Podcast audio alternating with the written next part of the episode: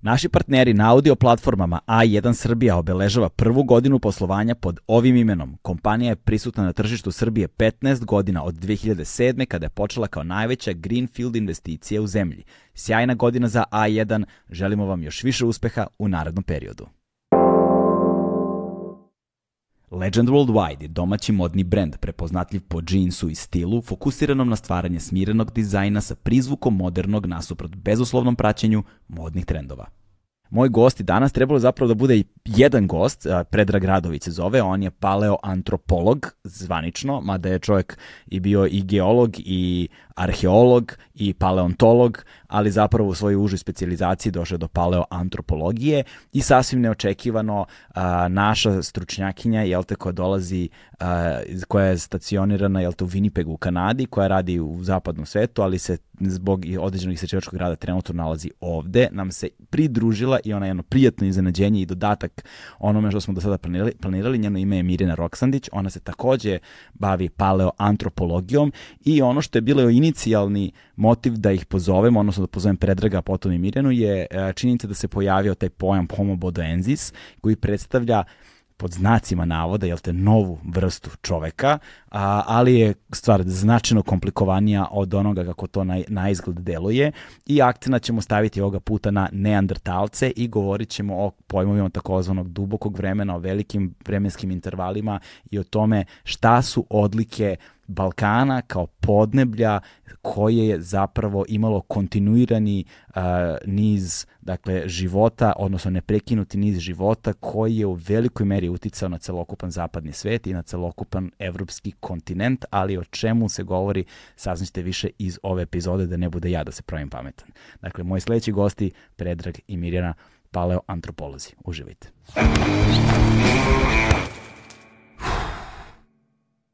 Hmm.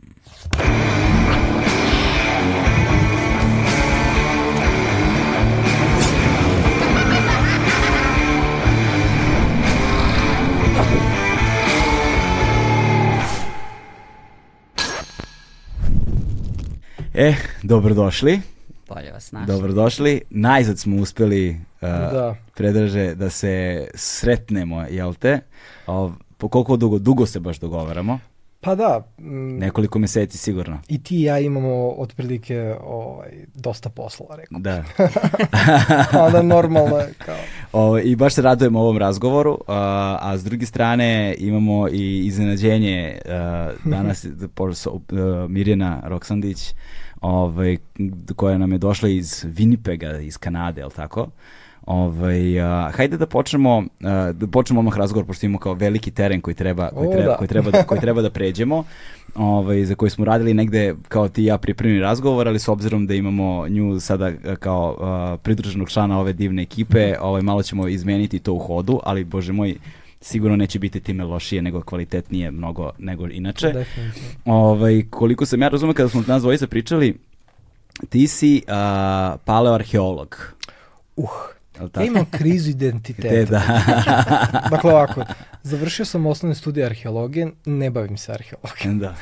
Onda sam prešao na geologiju, ne bavim se geologijom. Da. Ovaj, u suštini... Uh, ono pa šta Peđa, vi ste paleoantropolog, što je? Paleoantropolog? Ja, ja sam paleontolog, zato što, okay. zato što obuhvatam uh, ovaj, mislim, ja paleoantropologiju kao nauku, disciplinu, tumačim kao granu paleontologije kičmenjaka koja se bavi konkretno jednom grupom kičmenjaka, mm. to smo mi i naši preci, jel, te okay. hominini.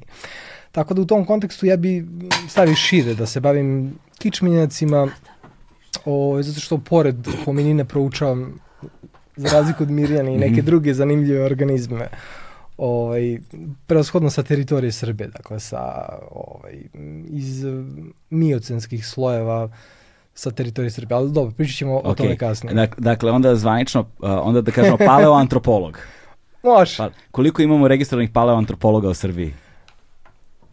Ti si jedan jedini, je li tako? Koliko ja znam, da. To, to.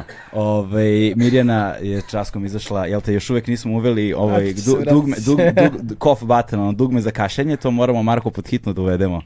Ove, to i meni često, često zatreba. Um, Mirjana, vi ste uh, u, u ovom svojstvu isto paleoantropolog. paleoantropološki? Um, Ili? Da, da, ja sam možda malo više paleoantropolog nego Peđa. Peđa je paleontolog sa antropološkim Mada ste fokusom. vi antropolog, biološki antropolog, da, zato što ja proučava i recentno. I bioarheolog. I bioarheolog. Ajdemo onda iz početka krenemo. Kako, kako je vaš razvojni put ovaj, Au, izgledao u tom kontekstu edukacije? Da, to je bilo dosta ovako zanimljivo i komplikovano. Prvo ja sam završila arheologiju na Beogradskom univerzitetu, pa sam onda magistrirala isto na arheologiji. Pa sam radila u Francuskoj Diplom des études approfondies, which is like beautiful name. znači, diploma of uh, profound studies ili ono kao dubokih nauka, da žive piš. Ove, Što? Šta to znači zapravo? Pa to je kao neka priprema za doktorat, otprilike. To je kao neki m, status između mastersa i doktorata i u stvari šta, rade, šta su tada radili francuzi, oni su imali taj DOA i onda tu imate i kurseve i časove i predavanja i sve živo i, i tezu. A onda kad dolazite na doktorat, onda više nemate tezu, nego samo, nemate ništa drugo osim samo pišete rad. Mm -hmm. Tako da je to neka kao varijanta poludoktorata. Um, pa sam onda u Kanadi završila uh, doktorat Trebala sam da radim na miocenskim majmunima, to mi je bila mm. tema doktorata koje, sa kojom sam počela. Ja sam htela da radim na Homo erectusu, pa ovaj moj a, supervisor nije imao ništa što bi moglo da mi pomogne za to, pa smo onda trebali da radimo neke miocenske majmune iz Kine, Lufangopithekusa. Mm. E pa je onda on napravio neke probleme, pa sam ja onda se prebacila na Lepenski vir i mezolit Srbije. A onda sam radila demografiju u Nemačkoj, Max Plancku, paleodemografiju. To je bilo isto zanimljivo, ali krajnje outside of my, ono, potpuno izvan onoga što sam dosad, dotad radila. U stvari me je interesalo kada su najstariji, uh, kada se pojavljaju vrlo stari ljudi u preistoriji. Mm -hmm. Ljudi koji su preko 80-90 godina. E tako, neki stari. Kada se pojavljaju? Pa sad, verovatno su od uvek bili tamo. Samo što mi nemamo načina da ih identifikujemo. Mi Aha. ne možemo da, da kažemo da je neko 50, 60, 70, 80, 90. Nemamo, nema, nema načina. Elem, to sam onda radila, konceptualno ovako jedan postdoc. I onda posle toga sam ona se vratila u Kanadu, u Toronto, tamo sam radila tri godine, četiri. I onda sam posle toga, u stvari, boga mi više, jedno 5-6 godina i onda sam da. posle toga dobila posao u Winnipegu i nastavila da radim. Winterpegu. Tako da sad u principu imam, e sad, svašta se podešavalo među vremenu pa sam ja počela da radim Karibe, mm -hmm. odnosno bioarheologiju Kariba. I ovaj, radila sam na Kubi dosta, sad radim u Nikaragvi Um, I naravno ovaj paleoantropološki projekat ovde sa Dušanom i sa... I onda je Peđa, kao tada kad sam ja počela, on je bio mladi aspirativan student. Uvijek sam mlad. Sad više niste student. Da. Sada si ste... doktor nauka. Skoro, skoro. Još malo, e, ovaj, uh, ono zbog čega smo se mi negde načelno zapravo našli ovde jeste da bismo stavili fokus na ovo podneblje. Da, da. O, da. da. Da bismo stavili fokus, da bismo stavili fokus na ovo podneblje, da bismo stavili fokus na neka otkrića s jedne strane koja postoje dosta dugo, poput recimo fosilnog kita i šta ti ja znam, no. ovaj, do nekih novijih otkrića, poput recimo Homo bodoenzisa i sličnih stvari, koje negde i na neki način iz nekog razloga su potpuno izbegla javni prostor. Znači, ne govori se o njima u javnosti. Da, slabo, definitivno. Pa dosta je komplikovano. Treba to objasniti. Pa evo, zato smo tu. Imamo pa, otvoren format da to upravo i uradimo. da. Ja bih voleo da počnemo tu priču, što bi Horacijus rekao, jel ta bovo od, od jajeta, i da postavimo ljudima koordinatni sistem u kojem bi mogli da se razume, da, da, da, koji bi mogli, u kojem bi mogli da se snalaze kada, kako bude progresivno odlazio razgovor da, svojim da, da. tokom. Pa bih u tom kontekstu ovaj, um, uh, prešao na tebe, jer smo se ti okay. ja dogovorili tome kako ćemo to da radimo i kako da postavimo taj sistem i vremena i prostora i, i, i, i, i živih e, i ljudi na ovim prostorima. Da, pa možemo da počnemo od nečega što je meni predstavlja još kao ono detetu neku mozgalicu još uvek mi predstavlja na neki način, to je taj uopšte pojam dubokog vremena. Ovaj, uh, mi kao, kao ljudi uslovljeni smo svojom biološkom prirodom i naš, kako otkucava naš biološki sat, nama su bliske godine, decenije eventualno, sve što je preko toga je pff, bilo mnogo davno. Da. I onda dođeš u kontekst koji pričava paleoantropologija, da se radi o nekoliko miliona godina, pa onda paleontologija koja ide faktički do samog faktički nastanka naše planete i shvatiš da na nekom intuitivnom nivou 3000 godina, 300.000 godina, 3 miliona, 300 miliona godina, 3 milijarde godina nekako ti dođe isto, mnogo, mnogo davno. Slušam. Bešemo. da, faktički. Sećam se, pre 3000 godina. Jeste, dakle mi na nekom tom ono, matematičkom nivou, ok, kontamo da je sad taj broj manji mm. od ovoga, ali nekako ne možemo na tom ne, svom intuitivnom nivou da shvatimo koliko je to duboko. To je jedini od razloga zašto ljudi uh, često imaju problem sa evolucijom kao konceptom, zato što nemaju, uh, ne pokušavaju i nemaju taj uh, shvatanje dubokog vremena, tog geološkog vremena i kosmološkog, jel te? Dakle, evo čisto da se pozicioniramo gde smo mi. Mi smo kao, kao naša vrsta, a i pojava naše grupe primata, hominina, dakle bipedalnih, uh, Ovaj, e, to, to je dvonožnih. da, dvonožnih majmuna jel te, e, je relativno skora pojava u geološkom smislu. Ako uzmemo u obzir da su najstariji fosili uh, ove, za koje znamo za sada stari oko 3,8 milijarde godina, potiču iz uh, zapadne Australije. U pitanju su ostaci fosilnih bakterija faktički. A s obzirom da imamo i uh, produkte metabolizma dakle hemijske fosile na neki način, još starijih organizama. Tako da smatramo da je već faktički po samom uh, formiranju tvrde kore na našoj planeti, kad se dovoljno ohladila, već imamo život. -hmm. Znači pre nekih četiri i nešto milijarde samo godina. samo mi objasni pojam hemijskih fosila. Kako, pa, kako, mislim, št, nemaš konkretno... Nisam čuo za hemijski fosil, da, iskreno da budem naš. Nemaš konkretno ostatke tela uh, ovaj, ili tragove kretanja nekog organizma, već imaš uh, produkte metabolizma. Čij, čijeg, me, čijeg metabolizma? Organizam. Organizam. da, znači, može da detektuješ na taj način, jel te? Sad bi neko mogao da detektuje da mi postojimo ovde tako što bi analizirao količinu ugljen dioksida u, recimo, ovoj našoj lokalnoj atmosferi, recimo. Ali da ne idemo u to, pošto to nije nešto čime se mi konkretno okay. bavimo. Ja sam samo to hteo da postavim kao... kao, kao Što? Je, ka, kao, kao početak. I onda pre nekih 500 miliona godina, preki pola milijarde godina. 500-tinak. 500 500 miliona. da, mi već imamo prve kičmenjake, naše direktne pretke. Dakle, to su neke male ribice koje nemaju vilice, koje su vrlo proste građe, imaju neku bazičnu građu gdje imamo mozak, oči, tu notohordu, odnosno taj centralni... Nervni sistem. O, da, nervni sistem i, o, to jest, notohorda je potpora, m, praktično prethodi kičmenici.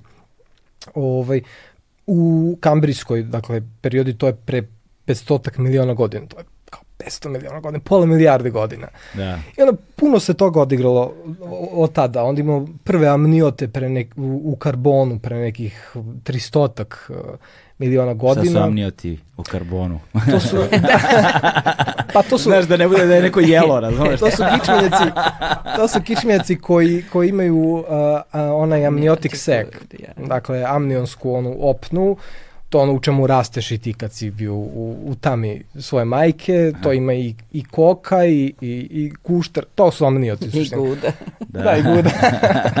Ali uh, u principu onda imaš pojavu uh, sisara prvih u juri, znači pre nekih sto i nešto, sto, Stotinak. 60 miliona godina, bilo tu svega i svačega. Hmm. Puno stvaranja novih taksona, izumiranja i tako dalje. Pa onda imaš prve primate pre nekih 55 miliona godina. A možda i... A možda i malo ranije, ali tu negde kad su gehnuli dinosaurusi, otprilike, mm. ovi non-avian, pošto su i ptice dinosaurusi, jel te? Ovaj, uh, imamo tu proliferaciju, adaptivnu radiaciju sisara i jedna od tih grupa sisara koja se tada pojavlja rano su i primati. Mi smo deo te uh, ovaj branch da. faktički sisara. Grane. Ovaj, pa da, grane, jel te? Ovaj, pa onda imamo pojavu čovjekolikih majmuna, dakle, uh, u ranom miocenu u Africi pre nekih 20 miliona godina, najranijih. Pa onda imamo njihovu ekspanziju van Afrike i adaptivnu radijaciju, to je ono što je Mirjana pominjala da, da je htela da radi ovaj, za, svoj, za svoj PhD. Ovaj, pa onda imamo uh, poslednjeg zajedničkog čoveka, šimpanze, i poslednjeg zajedničkog pretka čoveka i šimpanze, koji žive pre nekih 7-8 miliona godina, najvjerojatnije, krajem miocenske epohe.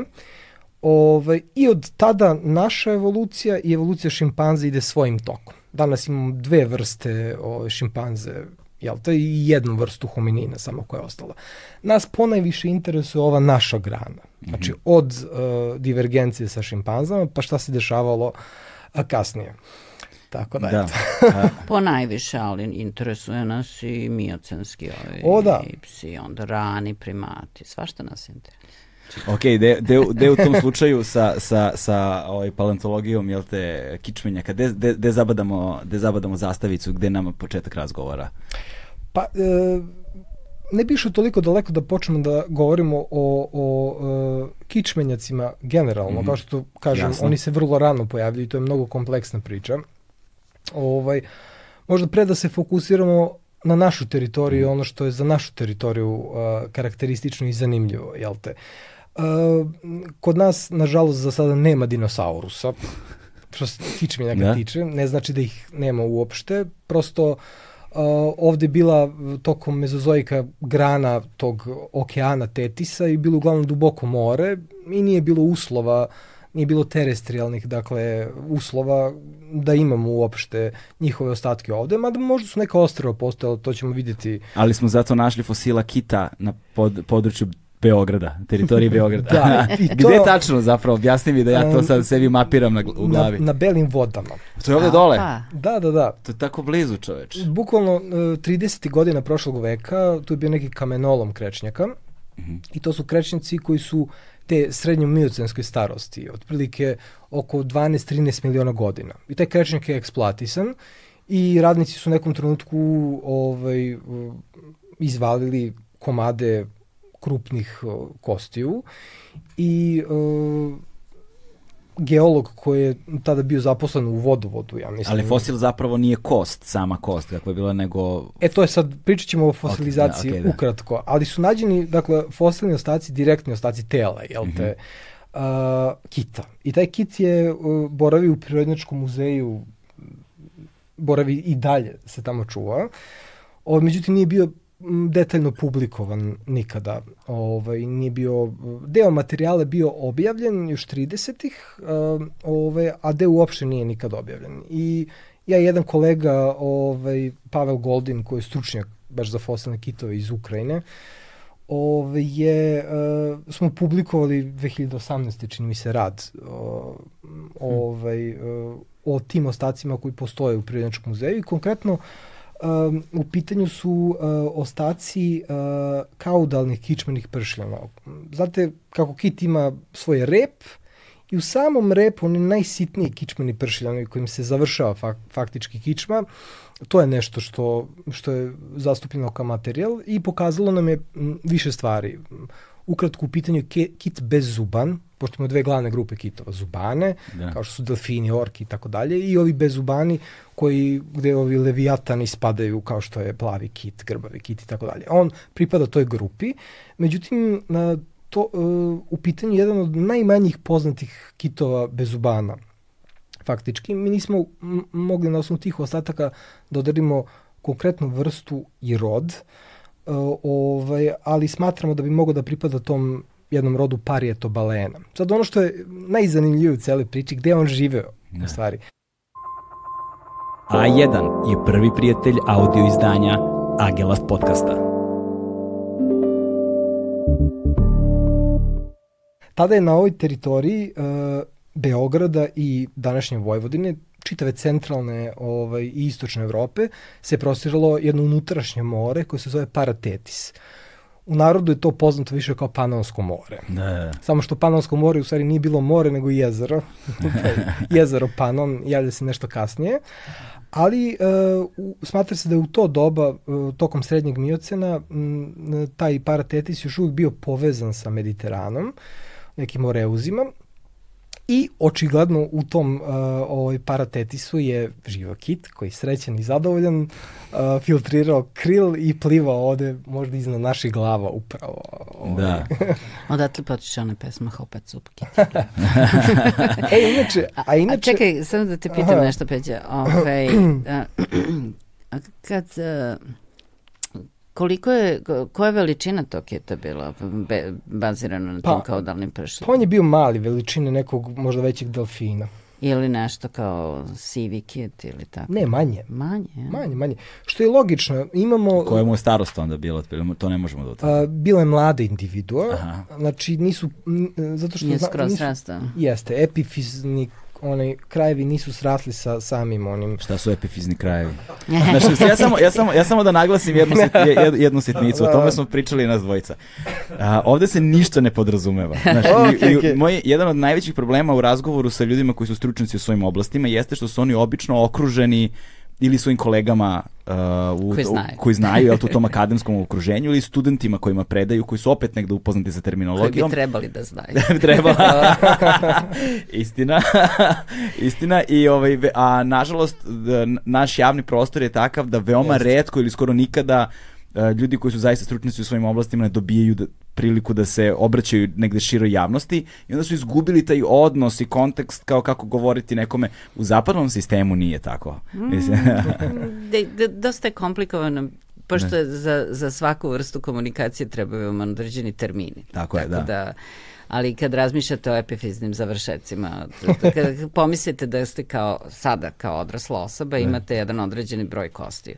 Kada ste deti imate tri put više kostiju, zato što su vam krajevi kostiju a, nisu vezani za glavnicu kostiju zato da biste mogli da rastete. Mm -hmm. E ti krajevi kostiju su ti epifizni završeci. Zato kad I se kod, to... kod odraslih individua kičmenjaka one srastu i ti znaš da je, ako nisu srasli, to je subadultna individua. U prevodu, ako naručiš pečenje Mlađe. u kafani, e.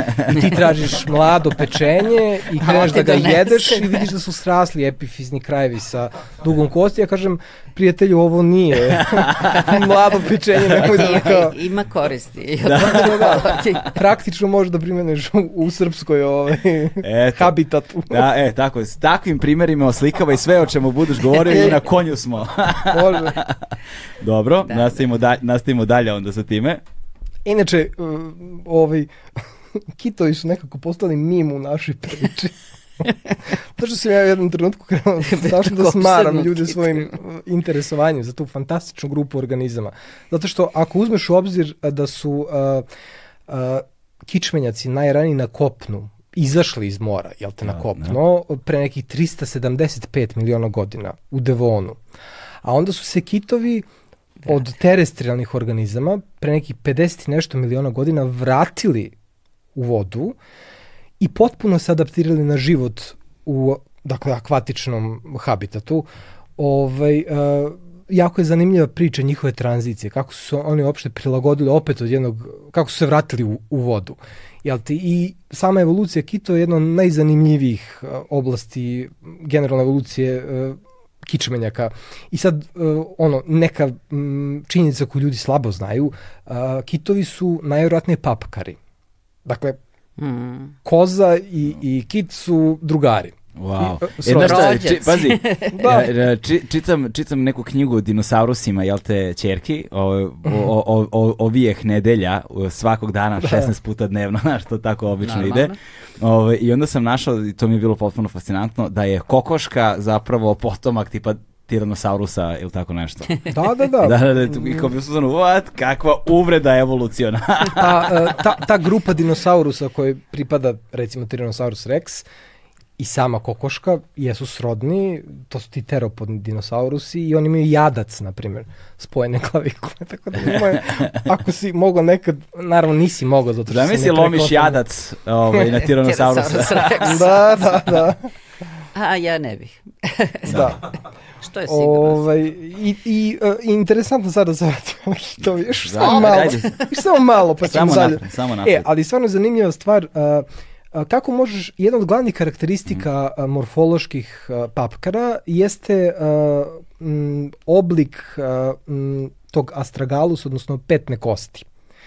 I sad, kitovi su izgubili zadnje noge. Ne, naravno. Moderni kitovi, onda ne možeš da vidiš da li imaju taj tip uh, astragalusa kao što imaju današnji papkari.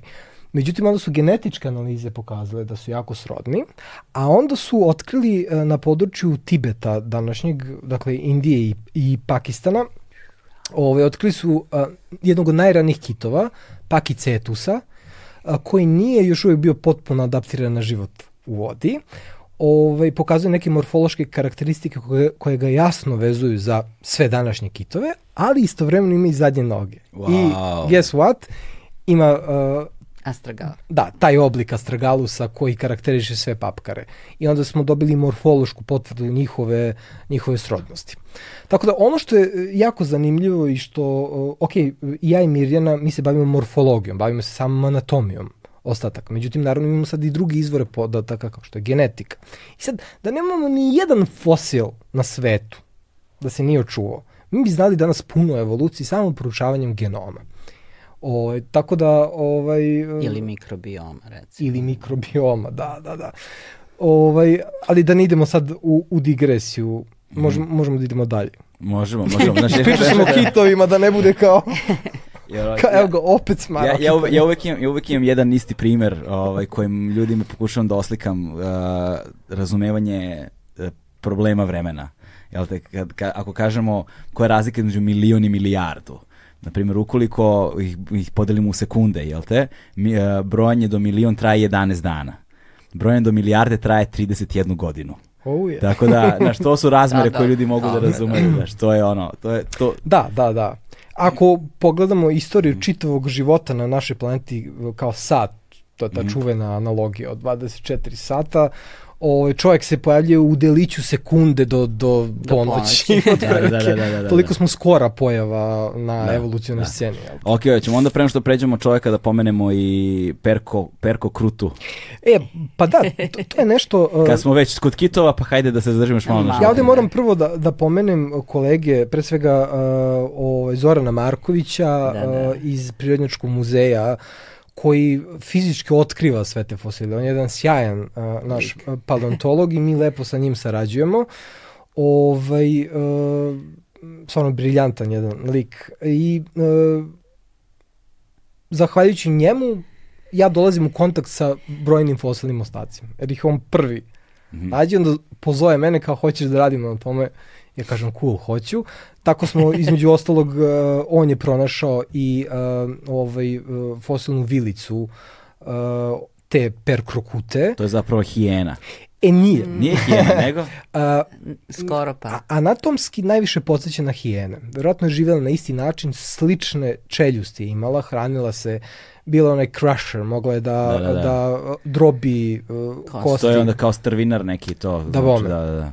Međutim, uh, ta filogenetska pozicija njena, odnosno kako stoji u, u evoluciji, nije još uvek jasna i uh, odvaja se u okviru posebne familije, odnosno porodice Perkrokutide, koja spada u feliformne uh, mesoždere. Što znači? Znači, nešto znači da slično, negde između, mačka. na pola puta između mačke i hijene.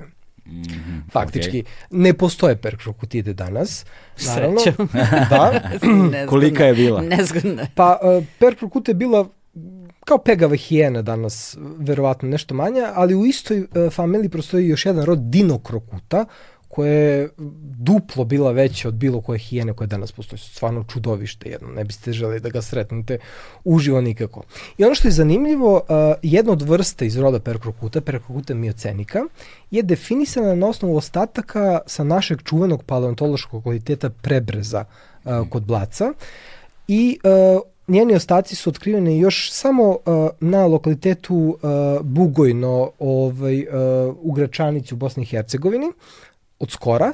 Poznati su sa teritorije Anadole, odnosno Turske, sa nekoliko lokaliteta i uh, sa još jednog lokaliteta, to smo mi publikovali, mm. to je mhm. lokalitet Brajkovac ovaj, kod Lazarevca, odakle potiče i ta vilica. Tako da ti organizmi su jako redki i svaki fosil i svaka informacija pruža dragocene podatke. A koliko je stara ova?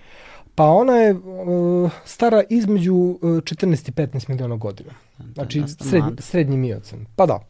u, u odnosu na dinosauruse i mm. ostale drugare svakako, ali da. dovoljno staro.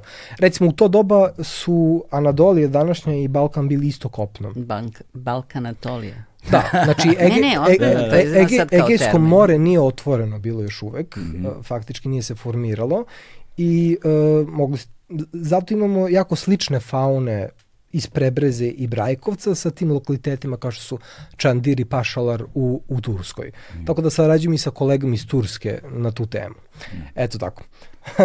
ovaj, da, da. Na, na, ne, u ne, ne znam pre koliko epizoda otprilike imali smo ovaj, još jednog sjajnog gosta, Andreja Starovića. Aha. Ovaj, on je, druga. tako je, i tad je fokus uh, bio na Lepenskom viru. Da, da. Prevasko, prevashodno na Lepenskom viru i na, na onom radu koji je dokazao zapravo da je postoje uticaj uh, spoljašnji da je bila ta cela migracija i da su se sreli ti uh, uh, ovaj, neoličani rani, jel te, sa Bliskog istoka, nazovimo da, da. danas, tim lukom kojim su se kretali, da su se sredili sa lepencima ovde, da je postojala razmena znanja, veština, iskustava i tako dalje. Galebe, dogovorili smo se da nećemo sadašnjosti da pričamo. Nećemo sadašnjosti, da. E sad, to je sadašnjost. to je u vašem slučaju sadašnjost, da. da.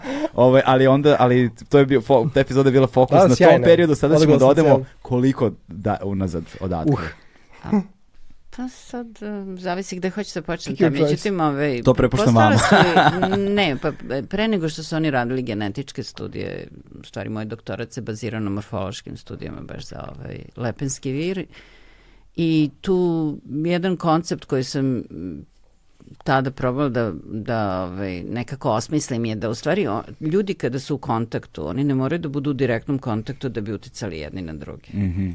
I taj direktni kontakt u stvari dolazi kasnije. Jer mm. oni počinju da se menjaju kulturno u vremenu kada postoji mogućnost kontakta. Ne mora kontakt uopšte da postoji. Šta to zapravo znači? Pa znači recimo zamislite sada neko, neku grupu u Amazonu koji su ono uncontacted, da, koji da. su ne, nisu ove, kojima ne daju jednostavno ljudima da idu na njihovu teritoriju i sve to sreća. E, ta grupa je pod pritiskom a, industrijskog razvoja, htela ona to ili ne. Znači, oni ne mogu da ostanu onakve kakve su bili i kakve žele da ostane, jer jednostavno sve oko njih se menja i oni znaju. Mislim, jednostavno imaju uvid u to da se stvari menjaju. Da čak i ako oni ne prihvate novi način života kojim se nameće znači, od strane ove, industrijskih uh, zemalja, oni se menjaju pod pritiskom tog novog načina života. Da, ili, na primjer, sede i vide, vide avion koji preleti. Pa normalno, mislim, da. ne. Ali, no, dobro... I kad dolaze antropolozi, onda sklanjaju televizore i stave da. ponjevice. da ne bi, mislim... to su ovi što su navodno nekontaktirani. da. ali, ali šta bi to bilo u kontekstu neolita? Pa u kontekstu neolita to je da su te, da se, da se da je Lepenski vir dosta dugo zadržava neku svoju kulturnu, kulturni identitet i oni imaju neku ideju da moraju da se vrate na korene. Znate, kad god je neko pod pritiskom sa strane, onda kreće priča o naši koreni su ovo, naši koreni su ovo i onda postane jedna u stvari zatvorena konzervativna sredina koja... E, Sretali koja... smo se sa takvim komentarima. o da. koja, mo, koja jednostavno se opire ne, nekoj promeni i u stvari je znatno konzervativnija nego što je zajednica ikad bila pre toga. Ali, što, to nije u stvari e, nevezano za ovo što mi radimo, pošto Balkan ima tu mm, geografsku poziciju gde je on u stvari deo istočnog Mediterana. I mm. ta Balkanatolija i to sve postoji još od Miocena i sve to. Međutim, I ranije. Um, I ranije, naravno. Da, ali ono što je važno za taj prostor je taj prostor u kontaktu, non stop. I to je važno i za naše ove pretke, mm -hmm. ljudske pretke, koji su u znatno većem kontaktu bili u cirkulaciji praktično oko istočnog Mediterana nego što su recimo na primer na, u zapadnoj Evropi koja je u stvari slepo crevo mm -hmm, u da. smislu evolucijona. Tako da je zbog toga u stvari taj Kao ceo... Mirjevo. Slepo crevo Beograda. šalim se, naravno. Nemojte šalim. mi. šalim Pogotovo zato što se zove Mirija. da, da, da. Ove, šalim se, naravno. Ne, ja sam pošao to kao naravno brdo, nemoj, molim te.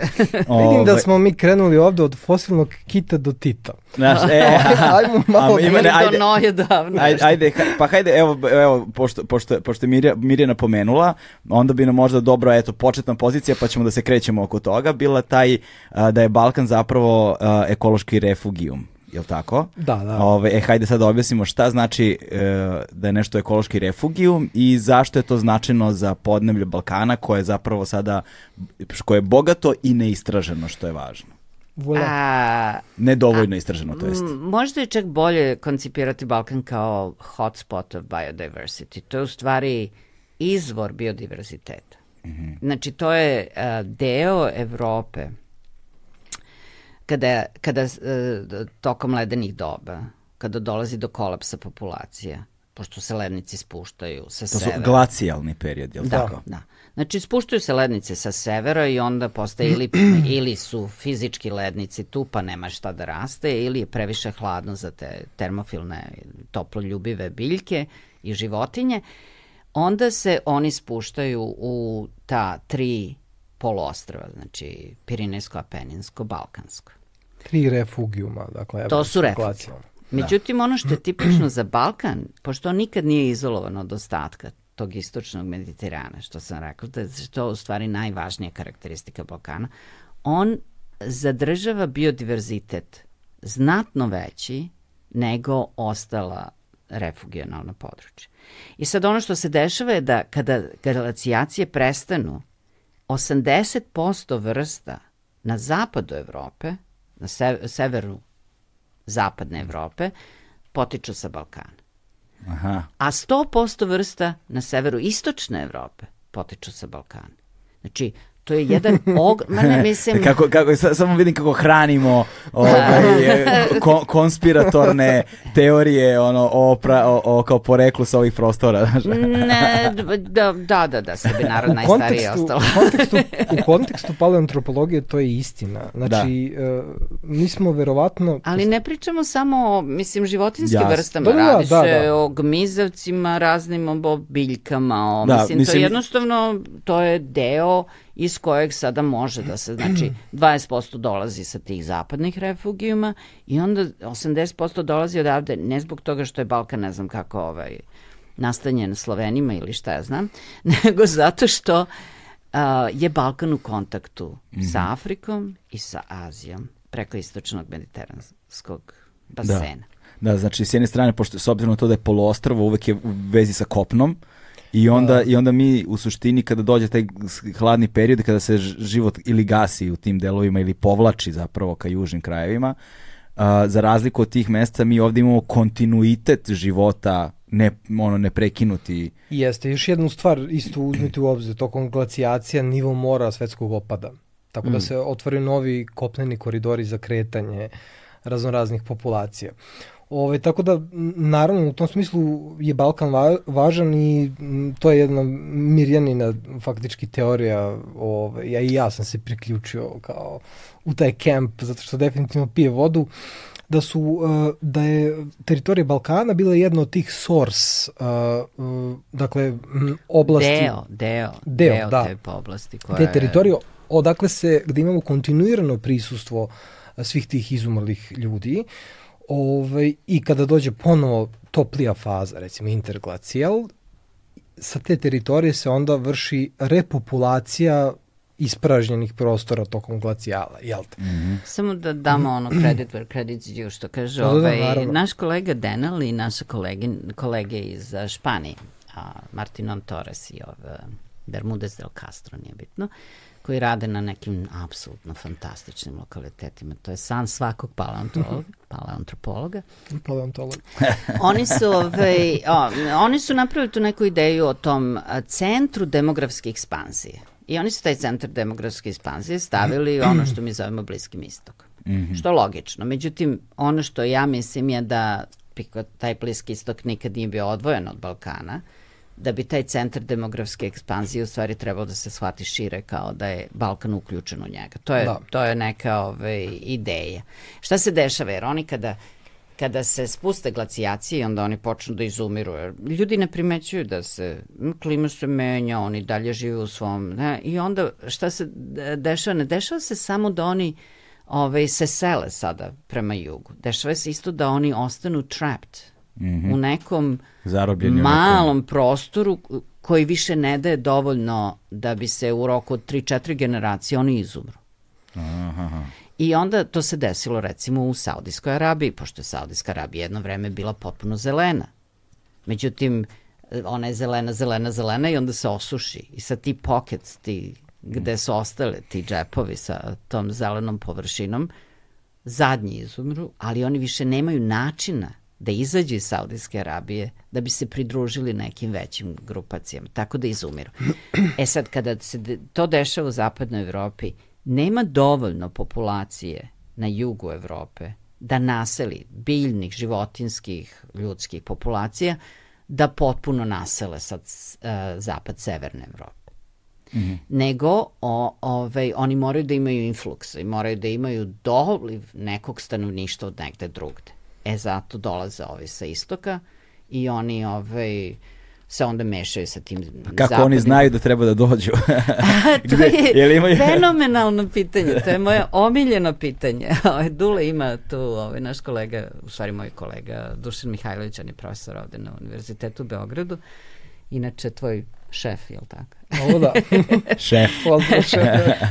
Ove, on, e, on ima tu neku teoriju o push and pull, znači ima nešto što ih vuče, nešto što ih odbija, znači ljudi se sele tamo gde im izgleda dobro. Ali ljudi, u stvari mene ono što fascinira kad sam radila recimo na Karibima je zašto neko sedne u mali brod i putuje da. satima i danima negde gde otprilike zna da možda ima nešto, pa ako promaši, promaši je.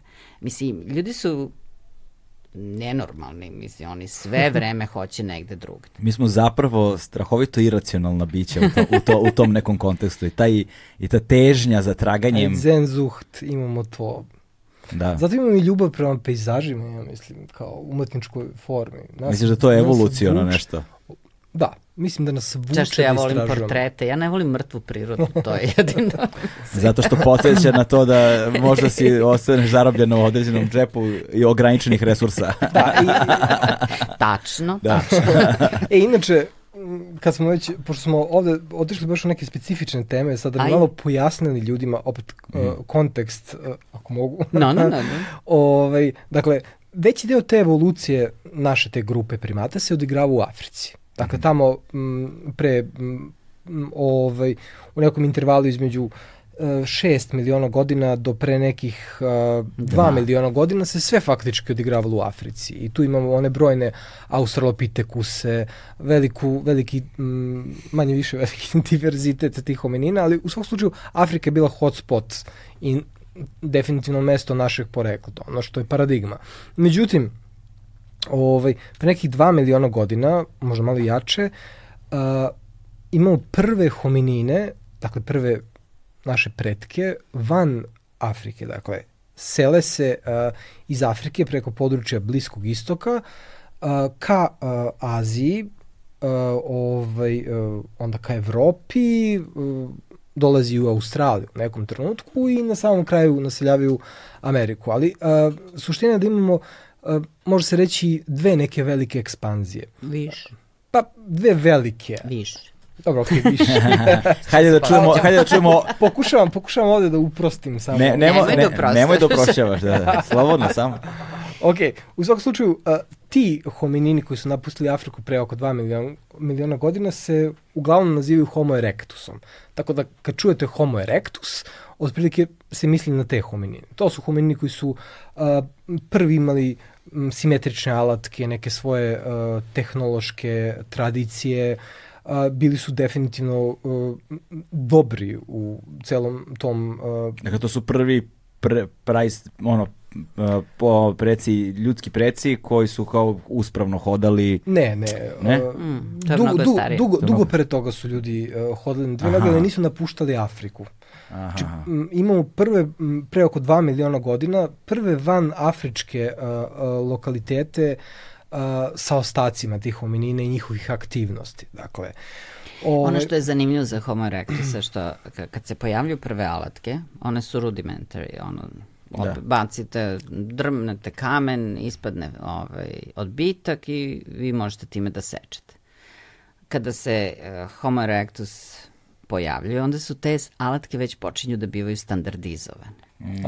A ta standardizacija ukazuje na neki nivo kognitivnih sposobnosti, planiranja i tako dalje. Znači nije više ono... ideja. I prenošenje ideja. Tako da Homo erectus je u stvari ono što bismo mi rekli da je osnovna vrsta svih kasnijih Pa prvi, prvi čovek. Prvi čovek. Znači, Homo erectus je već prvi, već možemo da ga nazovemo prvim čovekom. O, da. Da, ima malo manji kranijalni kapacitet, dosta manji, ali je uspravan, je postkranijalni skelet, znači sve ispod glave praktično Faktički ne možete da razlikujete. Mislim, može to ako ste manijak kao paleantropolozi, da, ali, ali u principu ne. Uh, Homo erectus je uh, prvi pravi čovek u tom smislu što je uh, adaptiran potpuno na terestrijalnu sredinu. Svi australopiticini su uh, manje više bili, ti australopitekusi ovaj, su bili vezani još uvek za uh, arboralnu zonu, za život na krošnjama drveća. Vjerojatno su ispavali, formirali gnezda na krošnjama drveća. Sve to highly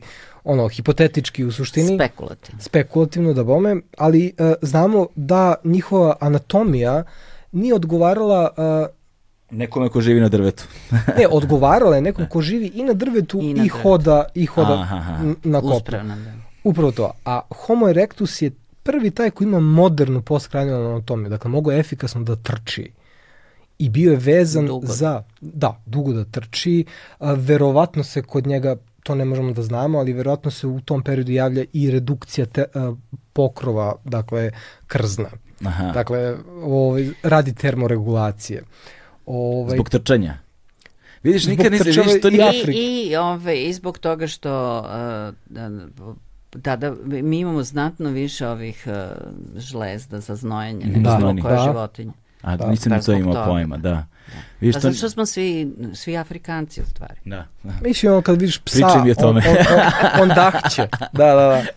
Pas dahće i on dahtanjem se oslobađa viška toplota. Mi imamo znojne žlezde koje efikasno vrše termoregulaciju.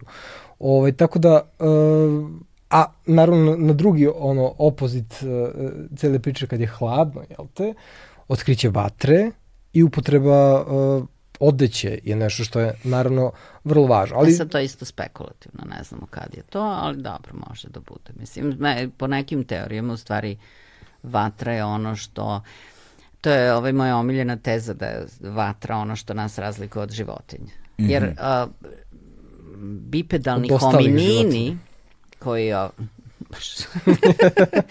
bipedalni, odnosno dvonožni hominini, a koji su rođaci, oni su još uvek ono životinje kao sve ostale životinje. Ono što je za nas karakteristično je da mi mi ne možemo da znamo kad je jezik nastao, možemo da nagađamo gomilu nekih stvari, kad je krzno otpalo, ovo ono. Mislim, sve to stoji, sve su to ljudske karakteristike, ali ono što mi možemo da vidimo je to da čovek u nekom momentu prestaje da zavisi od sobstvenog um, organizma da bi menjao hemijske hemijski sastav materije. Znači svaka životinja kad pojede i da izvinete mm.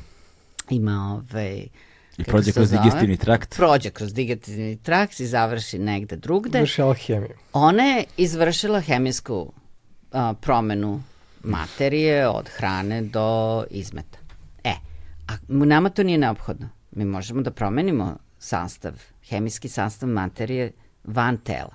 To je zahvaljujući uh, upotrebe alatka, ali ne toliko, ma, najviše zahvaljujući vatri. I termičkoj obradi, da. Pa da. Sad, veoma, veoma je zanimljivo u tom, nisam imao predstavu ovaj, kako smo izgubili krzno, Da. I ovaj, nije da nisam razmišljao o tome ranije, naš uvek budu neki tako razgovori, pa kao kada li smo izgubili krzno i nisam imao predstavu da je možda zbog termoregulacije ono dvonožaca jel te koji su morali da trče Otprilike. Da, a ono, ono što ili da meni, beže ili da jure nešto. Ono što je meni posebno interesantno, što je možda jedno od najlepših, spada u najlepše ilustracije same evolucije ovako za, za ljude, jesu te neke primitivne karakteristike koje smo zadržali, koje ukazuju na, na neki, uh, neku važnu funkciju u prošlosti, a više nemaju tu funkciju. Kao na primjer? Kad smo kod krzna, mi dalje imamo uh, posebne mišiće uz folikule dlake koje omogućuju da se naježiš. Zašto? Zato što kod, kod sisara, kada je hladno, oni se naježe, dlaka se reorganizuje tako da pruža bolju uh, insolaciju, dakle uh, bolje Zadržava se čuva. vazduh. Da, Aha, i čuva se bolje toplota. Tome služi... I kad ti je hladno, ti se naježiš i ako više nemaš dlake. Da da, da, da, da, da, da, da, da, ili, ili, se ješi. Pa, ili recimo kod, kod beba, uh, kod primata se često ovaj, uh, mladunci drže za krznu svoje majke. Da, da. I pošto žive u arboralnoj zoni u krošnjama, jel te, ove, mladunca možeš da ostaviš, on će da visi na grani. Vrlo ima jak taj stisak. stisak. Da ili da, može da se zakači za krzno i onda može da trčiš sa to. njim po e, zanju. I kod beba je ostao taj primitivni... Ovaj, Grip, a? Da, bukvalno ima i strašno snažan stisak, a čak i uh, svojim drugim rukama, to je donjim udovima, oni pokušavaju da ih savijaju. Da, da, da. Primetio si verovatno. Da, da, nije, nije tako davno naša čerkica bila beba, pa se Jeste. sećam dobro. Da. Jeste, ili, ili, na primjer, što je meni posebno interesantno, ovaj, to su ti uh, mišići koji kod sisara uh, pokreću ušnu školjku u pravcu Zvuka. izvora. Jeste. Da. I na, na taj način fokusiraju uh, ono receiver prema izvoru izvor zvuka. Znaš, ako imaš psa, mačku, kako Pa to da. funkcioniše. Ali I sad- zanimljivo je da neki ljudi to mogu, neki ne mogu. E, i mi imamo i dalje te mišiće koji Da. faktički nemaju nikakvu funkciju, osim možda eventualno ono u pubu da fasciniraš devojku tako što mrdaš ušima. Vrdaš ušima i obrvama. Ne Znaš, znam koja devojka se fascinira time, ali dobro, ostavit ćemo Recimo, to recimo. kao, kao, do, To je više da, za žurke ovako. Da. Party, party trick, ono, ali ne znam kome je to zanimljivo. Možda, kad, mo, možda u nekom pred-tinejdžerskom periodu to može da bude zabavno, ali kasnije sumnjam.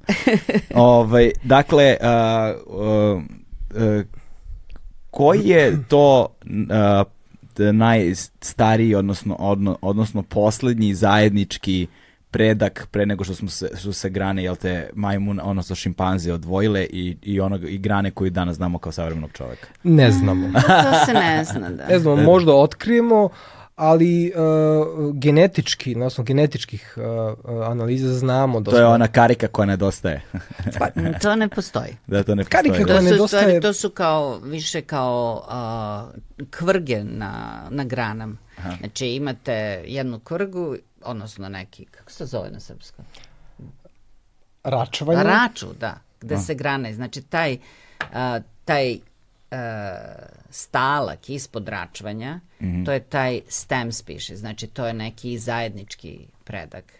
I onda se od tog zajedničkog predka račvaju razni drugi predci. I sad svaki ti, to nema karika, ni ono Mm, da. lanac, to je svaka ta račva, odnosno taj stem, uh, je ono što se zove mother species, a ostalo su sestrinske Da, vrste. cela ta priča o karici koja nedostaje i o Da. karikama evolucije je u suštini relikt uh, pred, uh, pred uh, jednog zastarelog uh, posmatranja evolucije. To je to linearno posmatranje evolucije, gde kao, od- znate onu, uh, Kad vas pitaju zašto, kad, ako, ako je evolucija tačna, zašto još uvek postoje majmuni? Zato što Kako još uvek postoje majmuni ako smo svi evoluirali o majmuni? oni su isto E, evoluirali to je kao i cela mi. priča. I Oni su evoluirali, samo u što pravcu. su u drugom pravcu. Zadržali neke druge karakteristike, uradili nešto drugo. Tako da kad mi gledamo ko je zajednički predak, taj zajednički predak mora da ima karakteristike koje mu omogućavaju da se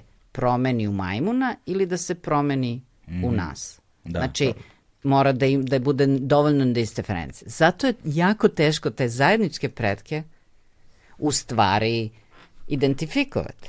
Zato što oni imaju taj potencijal da budu Jedno i jedno i drugo, drugo, ne. znači moraju da zadrže samo te primitivne karakteristike i tako dalje. Znači čim imaju neku karakteristiku koja ih odvaja ili od jednih ili od drugih, Mm. on već ima svoju granu i on je nešto posebno. Da, da. I još jedna stvar koja je vrlo važna. Evo Peđa, da, gori od nestrpljenja da, da to, ne, ne, ali da objasni vezano, to vezano za to, pošto to ljudi slabo kapiraju u suštini, ovaj, uh, nije lako uh, ono trnovit je put od živog organizma do fosila. Neki organizmi se, grupe organizama se bolje fosilizuju, ima ih mnoštvo, neki ne toliko. Zavisi, da, zavisi od brojnih faktora. Recimo, zavisi kolika je veličina populacije određenog organizma. Zavisi gde ugine. Ako ugineš uh, u jezeru, da. uh, imaš dobre šanse da budeš fosilizovan. Ako se brzo pokopaš. Ako te strvinari prvo nađu, ovaj, slaba je vajda. E, u tom kontekstu su i najčešći fosili kada su kičmenjaci u pitanju najtvrđi delovi skeleta, kao što su recimo zubi. Mm -hmm. I zato mi uglavnom i proučavamo zube, prosto zato što su najčešći Ovaj... I zato najčešće nalazimo te ostatke u pećinama, zato što su ih strvinari tamo odneli. ne, ima i toga. Ima da. toga, ali zašto nalazimo u pećinama? Zato što nam je tamo najlakše da nađemo slojeve koji nam treba. Zato što slojevi nisu erodirani. Mm. S polja se slojevi erodiraju. Ili, nije, ili, ili nisu nagomilani slojevi preko toga nekim malo da. procesima. Znači, kada ste u pećini, oni ostanu otprilike manje više imate tanak sloj holocena, ovog našeg današnjeg doba i ispod toga možete lako da nađete pleistocen, što je period koji nas interesuje. A van pećina to je malo teže, pošto mm -hmm. recimo imate naslage holocena od jedno recimo desetak metara, pa sad... Da. A i nije izvesno da je plestocen ispod možda ispred. E, sada, ovo, sada me zanima ovaj malo uh, tehnički kompleksni deo, ali bih se posvetio njemu, a to je koje informacije možemo da dobijemo iz zuba Uf. i kako se te informacije zapravo izvlače. Što mm ono, deluje na prvi pogled kao ok, ali ako malo bolje razmislim, onda shvatim da mi je baš teško da razumem. Da, pa Aha. zubi su super informativni uh, kod, uh, kod sisara pogotovo. Ovaj, uh, jedan od razloga zato što, zašto su super zubi uopšte jeste zato što se oni, krunice zuba se jednom formiraju u životu i ne podležu tim plastičnim promenama tokom života jedinke, za razliku od drugih kostiju. Znači ako radite vežbe, kosti će vam ojačati. Da. Ma, možete radite šta god hoćete, zubi vam neće orešiti. Zato što se jednom formiraju i to je to, samo se troše od, od da. tog formiranja. I uh, u geološkom kontekstu su zubi isto, uh, fosili zuba jako važni, zato što su manje podloženi deformacijama koje nastaju tektonskim promenom, težinom sedimenta i tako dalje. Često imamo slučaj da imamo recimo u paleoantropologiji jako deformisane lobanje, koje su iskrivljene prosto procesom formiranja slojeva. Ovaj, zubi se ne, ne deformišu toliko. Prosto zato što su jako tvrdi i sitni i uh, mislim zavisno se koji organizam u pitanju. Naravno, mogu biti krupni dosta kao kod surlaša, kojima sam se takođe bavio. Ali ovaj, o da, da, surlaši su super. Je li, je, li, je li bilo ovde? Ne postoji ništa e, što nije zanimljivo. Surlaši su super zanimljivi, ukratko samo, ali idemo u digresiju, ali uh, pre nekih 17 miliona, 18 miliona godina u Miocenu se formirao prvi put kopneni most preko tog uh, ovaj, neotetisa faktički, koji je uh, spojio Afriku uh, sa Evropom. Šta je neotetis? To je to more, pramore, Aha, okay. čiji je ostatak Mediteran, recimo, okay, današnji. Okay. Samo bilo veće. Suma sumarum, uh, uh, ovaj, uh, kao i, i uh, hominini najraniji, uh, tako i surlaši najraniji se javljaju u Africi i tada imamo tu prvu ekspanziju njihovu van Afrike ovaj, i dolazi između ostalog i ovde. I tada u Miocenu imamo puno ostataka, stvarno po svim muzejima, kao što je Prirodnjački muzej naš, fascinantne ostatke raznih grupa surlaša. Pazite, to nisu uh, direktni preci slona, to su rođaci, pripadaju istom redu organizama. Kao što smo mi red primata, oni su red surlaša. I, ove, ali dosta ih ima zato što su zubi krupni. M su zubi tvrdi, M su jako krupni. I, i like kad, kad nađe recimo zub dinoterijuma ili da. gonfoterijuma, on vidi da je to neka zubekanja. Da. I kao je, našao sam u selu i donesem u muzej. I zato imamo dosta tog ovaj materijala. to je nešto što ljudi lako umeju da prepoznaju. Pa što je veliko i da, da baš drugčije. I nađeš kljovu. Mislim, da, svi znaju šta je kljova. To. to. Ok, uh, kako se izvuči informacije? Koje informacije možemo da dobiti? Međutim, za zubi su još zanimljiviji zato što zubi se formiraju pod jakom genetskom kontrolom. Da. Mm -hmm. Znači, e, kad god se formira organizam, imate ono što vam određuje genetika i ono što vam određuje environment. Znači, ono, in utero i taj okruženje. Od, mm -hmm. Počevši od toga kakvo je stanje zdravlja majke. Teratogeni faktor, da. Tako dalje. Onda do toga kad posle počnete da rastete, ako imate dovoljno hrane, bit ćete veći, ako imate do, nedovoljno hrane, bit ćete manji, bez obzira koji vam je taj blueprint, koji da. vam je genetski potencijal.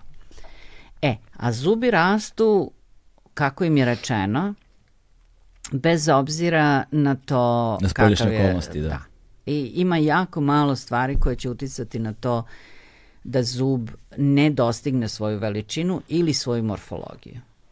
Hmm. Znači, oni su predodređeni genetski da budu takvi kakvi su. Što znači da oni nose puno informacija o srodnosti između određenih organizama.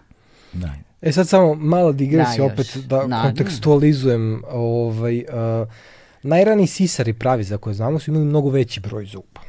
Da. I imali su, ne znam, m, m, ovaj, recimo 54 zuba. Mi sad imamo manji broj zuba. Da? Znači, taj broj zuba se redukovao. Ono Zašto? Što je, ali ono što je, samo jedna stvar, ono što je u suštini jako zanimljivo, uh, to je utvrđeno još u, u 19. veku faktički, jeste da su uh, sisari su nastali od uh, određene grupe reptila.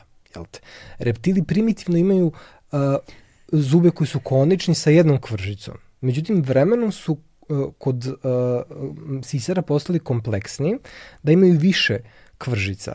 I ono što je jako zanimljivo, uh, mi svi delimo tu zajedničku osnovu, svi sisari, uh, dentalne morfologije. I sad kad naučiš dentalnu morfologiju, recimo čoveka, vrlo lako ti je, lako je da pređeš, da proučaš dentalnu morfologiju surlaša. Mm -hmm. Zašto bazično uh, čak i ista terminologija dobrim delom za glavne kvržice, fisure i tako dalje. Tako da uh, svi vučemo koren od istih uh, predaka i uh, zubi su dobri markeri praktično za praćenje tih nekih filogenetskih uh, ove promena tokom evolucije sisara i uh, s obzirom da ih ima puno takođe, ne, imaš taksone koji su poznati samo na osnovu zuba. Da, Ništa da. se ostalo nije... ostalo izvedeno. Jeste. I onda su uh, zubi morfološki, anatomski su uh, jako zanimljiv. No, možeš puno informacija da, da dobiješ o tome. I sad ono što je recimo zanimljivo, imam drugara ovaj, stomatologa i sad oni imaju svoj način markiranja zuba, ono kao sedmica, ovo i tako dalje. Okluzalno plomba. Jeste, a mi recimo za, za predkutnjake, premolere naše koristimo oznake P3 i P4. I sad on pita kao, gde su vam P1 i P2? Pa P1 i P2 su se izgubili evolucijom. Nema ih. Dakle, od primitivne formule imaš četiri predkutnjaka u jednoj polovini vilice, Aha. mi smo spali na to da imaš dva predkutnjaka u uh, polovini vilice. Tako da čak i sam broj zuba može pruža A ne samo informaciju. to, nego ovo sada recimo sa ovom modernom evolucijom čoveka, o, da. koja se dešava sve već, veći broj ljudi ili ima impacted, znači nikad ne, ne izađe ovi kut, treći, ovi umnjaci, umnjaci da. ili ih nikad nema, nikad se ne, ne stvore uopšte, jednostavno ne postoje. Da, ja na primjer ne, nemam umnjake. Pa da. Nisam ni nikada ni izašli, ono, sve čekam kad će, ali nije pa se ne, desilo. Pa ne, verovatno neće ni izaći, zato što su oni, ako su impacted, onda može da vam izaziva glavobolju i da pravi probleme, Infekcije. ali ove, ja isto nemam ni jedan od tih uh, trećih molara. Ja imam. Da. Ne treba nam. Da, ne treba. Ne treba. pa da, da zanimljivo je to, uh, uh, pratio sam ne, nešto me zanimalo jedno vreme, a, s, o, sam pratio tu, tu ekipu koja se bavi recimo kao da li možemo da napravimo nutritivno kao jedan idealan obrok koji možemo da, koji možemo da zamenimo hranu, koji se zove, ne znam, Soylent Green, kako se već zvao i tako dalje. I onda mi je to bilo zanimljivo i pratio sam istoriju tih eksperimenata i onda da li ono sve koje što je bilo 60-ih, uglavnom godina 70-ih kad su radili te masovne eksperimente ljudima, dešavalo se da su neke grupe lju, uh, koje su koristile to kao nutritivno bude, ne znam, nija šta, ali fora je u tome što su počeli da im ispadaju zubi nakon nekog vremena, zato što nisu žvakali hranu. Da, zato što mm. cementom se ne formira i nema ove... Slabi periodonci. Da biste, da biste imali uh, zub mora da bude upotrebni. u upotrebi da bi funkcionisao i da bi se držao u alveolama. da, da, da, tako da to mi je bilo zanimljivo. Viš kako evolucija odmah unutar nekoliko nađe godina rešenje. nađe odmah šta ti ne treba, samo odbacuje. Jedno rešenje možda i razloga, možda tu sad mi pade na pamet, bi možda bilo da su možda boleli malo od skorbuta, ako nisu dovoljno vitamina C kroz hranu unosili. Verovatno su nosili dovoljno nutri, mislim, znali su tada. Da, ako su pravili idealni obrok, onda da, da logično. Sigurno su imali to. Da, ne, ne, bi, ne bi znao, ono, ne sjećam se, samo se... se Znate da se, se cement, cement na zubu ne formira pre nego što izađe, po nego što bude u okluzi. Znači, da, da, pre nego što je abradira, vi imate I formiranje cemena i onda se on vremenom Sekundar. naslojava kao godovi kod drveta. Mm -hmm. Da. I tako možemo recimo da određujemo starost nekih ljudi i tako dalje. Brojeći godove na preseku. da. Ali ove, dosta komplika. Pa kako, kako onda ne možemo da utvrdimo te stare ljude? Pa zato što ne funkcioniše. Svaki biološki princip ima dovoljno varijacije da kad radite kod forensičkih slučaja, znači ljudi za koje znamo koliko su imali godina, vi možete čak i da utvrdite, odnosno da prepoznate na tim cementnim linijama, možete da prepoznate kad je žena imala um, trudnoću. trudnoću Vidi da. se, linija odmah postane deblja, komplikovanija, iz, izbušena i tako dalje. Međutim, kada pokušavate da uh, retroaktivno to, mm. znači kad ne znate, onda ima previše problema i onda dobijete nešto kao, ne znam, 30 plus minus a, sa velikom marginom greške. 5 godina. Da. Super, to mogu i ovako odokativnom šac metodom, tako da nema potrebe da se seku zubi. jasno, jasno. Posebno kada izađemo iz okvira naše sobstvene vrste, da, kao da, sve što da. znaš uh, da važi za čoveka, recimo, ne znam, kod čoveka prvi stalni kutnjak niče sa šest godina, međutim kod šimpanze to mnogo ranije, sa četiri Dve. ili ranije još, Dve tako? I po, tri. Dve, pa, eto. Ovaj, ali u svakom slučaju ti kad radiš sa izumrlom vrstom hominina, ne znaš. Koje nije mi, Da. Ti ne znaš da li taj tajming tog nicanja zuba i sve to ostalo... Koji isto vrlo pod jako, jako strogim genetskim kontrolom. Praktično radiš ekstrapolaciju, zato što ove, ovaj, ako baziraš na uzorcima modernog čoveka, nas, verovatno ćeš pogrešiti jer nije u pitanju ista vrsta. Da. Ili, ali mislim, ja imam za moje studente uvek im dam ove dve karte. Znači ima šimpanza i čovek, kako rastu zubi i kad dobiju ovaj, zadatak da na osnovu toga što imamo neku juvenilnu individu, znači neko dete, da mi odrede starosti. Onda se treba da vide koji im je Mm -hmm. koji mo model da uzmu. Da, ako da, da. je Australopithecus, onda je logičnije da bude kao šimpanza, ako je uh, Homo erectus, onda je logičnije da bude kao mi, ali mi ne znamo šta. Da, da, dakle, koje sve informacije iz zuba možemo da izvučemo? Možemo čak, osim tih morfoloških, mi sad trenutno se bavimo, juče smo uzorkovali ovaj, jedan, jedan primerak, ti možeš čak i na osnovu, može dobiješ DNK individue, znači može paleogenetičke Proteom. podatke, možeš podatke da dobiješ uh, recimo iz gleđi o proteomu, odnosno o drevnim proteinima. Što određeš da li je muško ili žensko na Recimo, toga. a može da da od, određene taksonomske takođe informacije o tome koje vrsti pripada, koliko je bliži nečemu ili dalje, tako dalje. A možeš recimo iz, to smo juče radili, ovaj, iz uh, dentalnog kamenca, ti možeš okay. čitav oralni mikrobiom da rekonstruišeš. I, to su ovaj, sve bakterije koje imate u ustima non stop. A samim tim skontaš, e, a kad znaš kako je bila ekologija u ustima, onda možeš da govoriš u ishrani mm -hmm. tih individua, recimo. Pa onda sa jednog našeg lokaliteta, ovaj, uh, gde imamo prve ostatke neandertalca uh, potvrđene na ovoj teritoriji, to je jedan naš zajednički rad, moj prvi kao veći rad na koji sam onako ponosan. Ovaj, uh, pešturina, nemoj da ne kažeš da, imalo kvalitet. Pešturina.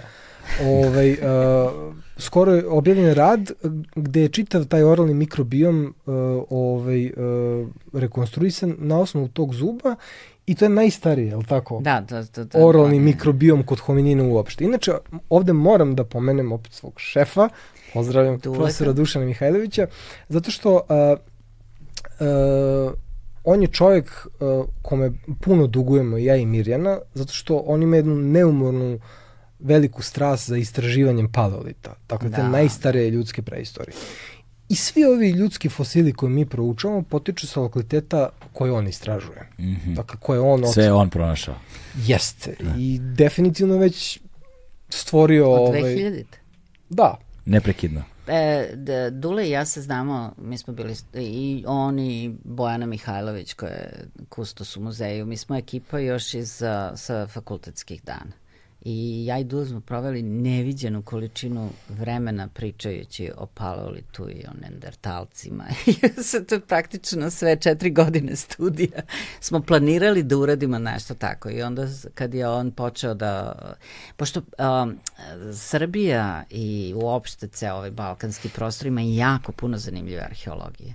Strašno. Mislim, ono mezolita, neolita, neolitske kulture koje su božanstveno zanimljive, bronza, gvožđe, Rim, ovo ono, Grčka, sve. Sve tu. Mm -hmm. I onda a, niko nije nešto obraćao pretranu pažnju na paleolit. To je bilo ono kao, prvo što je paleolit komplikovan za kopanje, drugo što... Zašto je paleolit komplikovan za kopanje? Pa zamislite Najdublje sada, mora da se kopa. Ne, ali nije to samo nego recimo vi imate u, ne znam, u Rimu, imate Teru Sigelatu koje možete da datujete u godinu ili novčiće ili sve i tačno da. znate šta imate i pisane izvore, imate božanstvene palate, mozaike, ovo ono. A ovde imate drljavu zemlju, često ispunjenu izdrobljenim kamenom koji pada zato što se u glacijacima taj kamen drobi i lomi. A, I to i onda imate alatke koje su sve kamene mm -hmm. i onda imate neke životinske kosti koje su isto tako vrlo često izdrobljene i mrljave i nikakve i mislim to interpretirati to stvarno treba da je neko mislim zahteva jako jako puno vrlo detaljnog i pedantnog rada i mislim razlikovanje jer mali sloj koji vam ono proslojak neki na terenu može da bude 10.000 godina. Ili može da bude potpuno ispravan pa da imate nešto što je 70.000 godina, a na njemu odmah iznad toga nešto što je 20.000 godina. Da. Da biste ukapirali šta to zatreba jako, jako puno metodoloških i, i nove metodologije u stvari su sada jako važne. Da. Različiti na, načini datovanja, različiti načini a, rekonstrukcije a, prirodne okoline, svašta razno. I sad i ove, naravno, geo, geohemijske i ove, bio, geo, biološke metode koje mi koristimo za, za ljude. Za, za ljude Mislim, to je otišlo bukvalno od kad sam ja ovaj, bio na osnovnom studiju sad u nešto što je tada bila naučna fantastika. Danas možemo, mi uzorkujemo recimo sedimente, ti sedimenta jako drenog sedimenta, dakle pleistocenskog, paleolitskog, ti možeš da dobiješ DNK životinja koje su tu ukasapljene, prisustva ljudi, uh, tako da je proučavanje te najstarije ljudske prošlosti je, mogu reći, najbliže prirodnim naukama od svih drugih grana arheologije. Dakle, ako možeš reći recimo za srednjevekovnu arheologiju da to pomoćna istorijska nauka, gde ti imaš izvore pa da. pisane i tako dalje, ovo je skroz uh, u posebna liga, da si ti bliže paleontologiji, biologiji, geologiji nego drugim stvarima. Ti možeš recimo naići u pećini na sloj, uh, mislim, sedimentne stene prolaze kroz, uh, od rastresitog sedimenta do tvrde stene, kroz taj proces, uh, proces diageneze. Mm -hmm. Dakle, E sad, kad radiš sa mlađim periodima, ta diageneza nije daleko odmakla i ti slojevi su rastresiti, lakše se iskopavaju praktično. Yeah.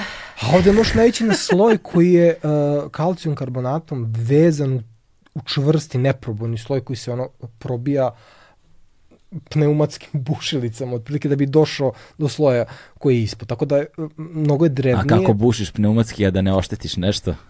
Na primer. To su sve... Teško mukom. Teško mukom. da, da. Ovaj, uh, to je e, neki nežni hilti. pa da, da, radili smo mi sa dosta ovaj, tih uh, neobičnih naprava. A da ne govorimo da, da su te pećine često jako nepristupačne. Pa kao dovedi ti struju tu, dovedi mm. ljude, Ovaj, tako I to da... je jedan od razloga zašto je ovaj teren toliko neistražen zbog možda sredstava koje nedostaju da se tako nešto uradi kako ja treba. Ja mislim da, da osnovan problem je interes bio. Da. A, mislim, trebalo da se pojavi jedna generacija koja je stvarno luda za paleolitom i to je naša a, profesorka moja i Dušanova, Ivana Radovanović, ona je u stvari Sredović je, vi ste sigurno čuli za njega, on se jako interesuo za paleolit i on je bio jedini koji je stvarno radio paleolit tu I onda je on obrazovao jedan niz um, mlađih kolega, nje, njemu mlađih, naših profesora i asistenata tada i među njima Ivana Radovanović je bila ono um, key person. I onda posle toga je u stvari, posle toga je Dušan odmah mm -hmm. naišao. I samo, eto, to je to. Mislim, nas je, pa ja sam prva osoba koja se, koja je studirala paleoantropologiju sa ovih prostora. Da. A Peđa je sad prvi paleoantropolog u Srbiji. Da. Ko je ovde živi? Pošto ja nisam, mislim, ja ne živim više ovde, iako radim ovde. Da, da, da. Ne računam se kao, ovaj, u stvari nekad se i računam kao srpski naučnik. Da. Uglavnom kao... naše, gore, naše gore list. Da, da, da. Ove, okay. Drugarica.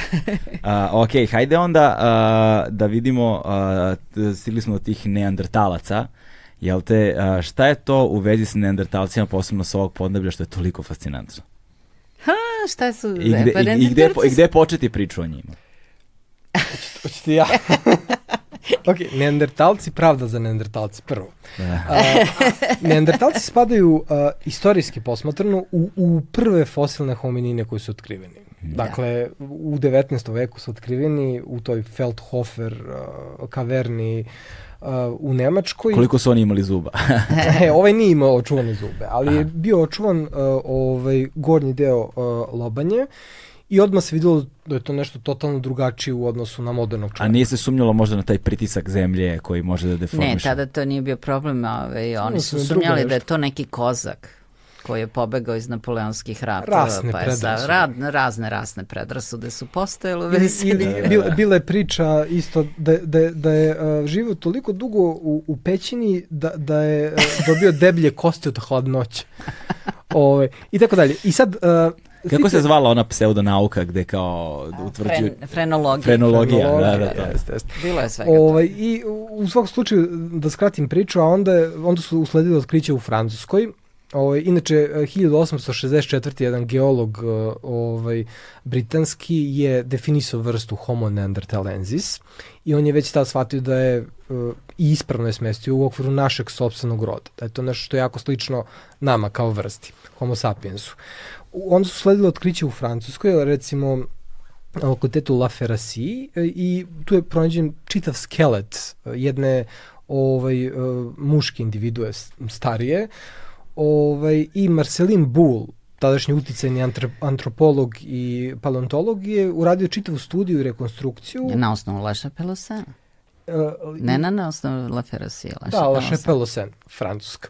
U svakom slučaju, hvala, Pardon. hvala na ispravci. Ali u, u svakom slučaju, on je uh, interpretirao patološka stanja kod te individue kao stanja koje se vezuju za čitavu uh, vrstu, jel te? I njegova rekonstrukcija je opet bila uslovljena njegovim rasnim predrasudama. Ovaj, uh, to je um, uh, čuveni jedan umetnik češki je um, u saradnji sa Bulom tada ovaj, uh, je napravio tu rekonstrukciju čuvenog čupavog neandertalca faktički majmuna sa toljagom ogromnom i tu se pojavio i taj, taj uh, ovaj, koncept, ta predrasuda o tim pećinskim ljudima sa toljagom. Da, približi samo mikrofon. Ok, ok. Da, da. Ne samo ga povuci ovako slobodno, ka sebi. Ok, ok. Da. Važi. E, e. I uh, u svakom slučaju uh, ta stigma mm -hmm. neandertalaca i dan danas traje. Ti da, ćeš... znatno manje. Pa da, ali uh, kad, kod nas se uglavnom taj termin koristi kao... Karakterna osobina. jeste, kao nešto ružno, kao nešto... Da, tako da, da, da, da. Kad Međutim, kaže neandertalac, ja kažem, daj bre čoče, nije neandertalac, samo mi vređaš neandertalac. Upravo tako. E, kako smo širili saznanje o, o toj grupi hominina, u pitanju je ove, jako srodna uh, grupa sa, sa nama, sa modernim ljudima, koja se javlja najranije pre nekih 430.000 godina na prostoru zapadne Evrope. O, tu su najraniji neandertalci i onda su oni šire i dosegli su u nekom trenutku čak i tamo ove altajske planine ovaj, u Sibiru. Ovaj, iako su, oni imaju jako specifičnu anatomiju, odnosno morfologiju. Iako su prepoznatljivi. Ovaj, i, uh, Uslovno rečeno. Uslovno rečeno. Što uslovno rečeno? Pa zato što treba da znate dosta da biste mogli da ih prepoznate. Aha. Kao na primer? Uh.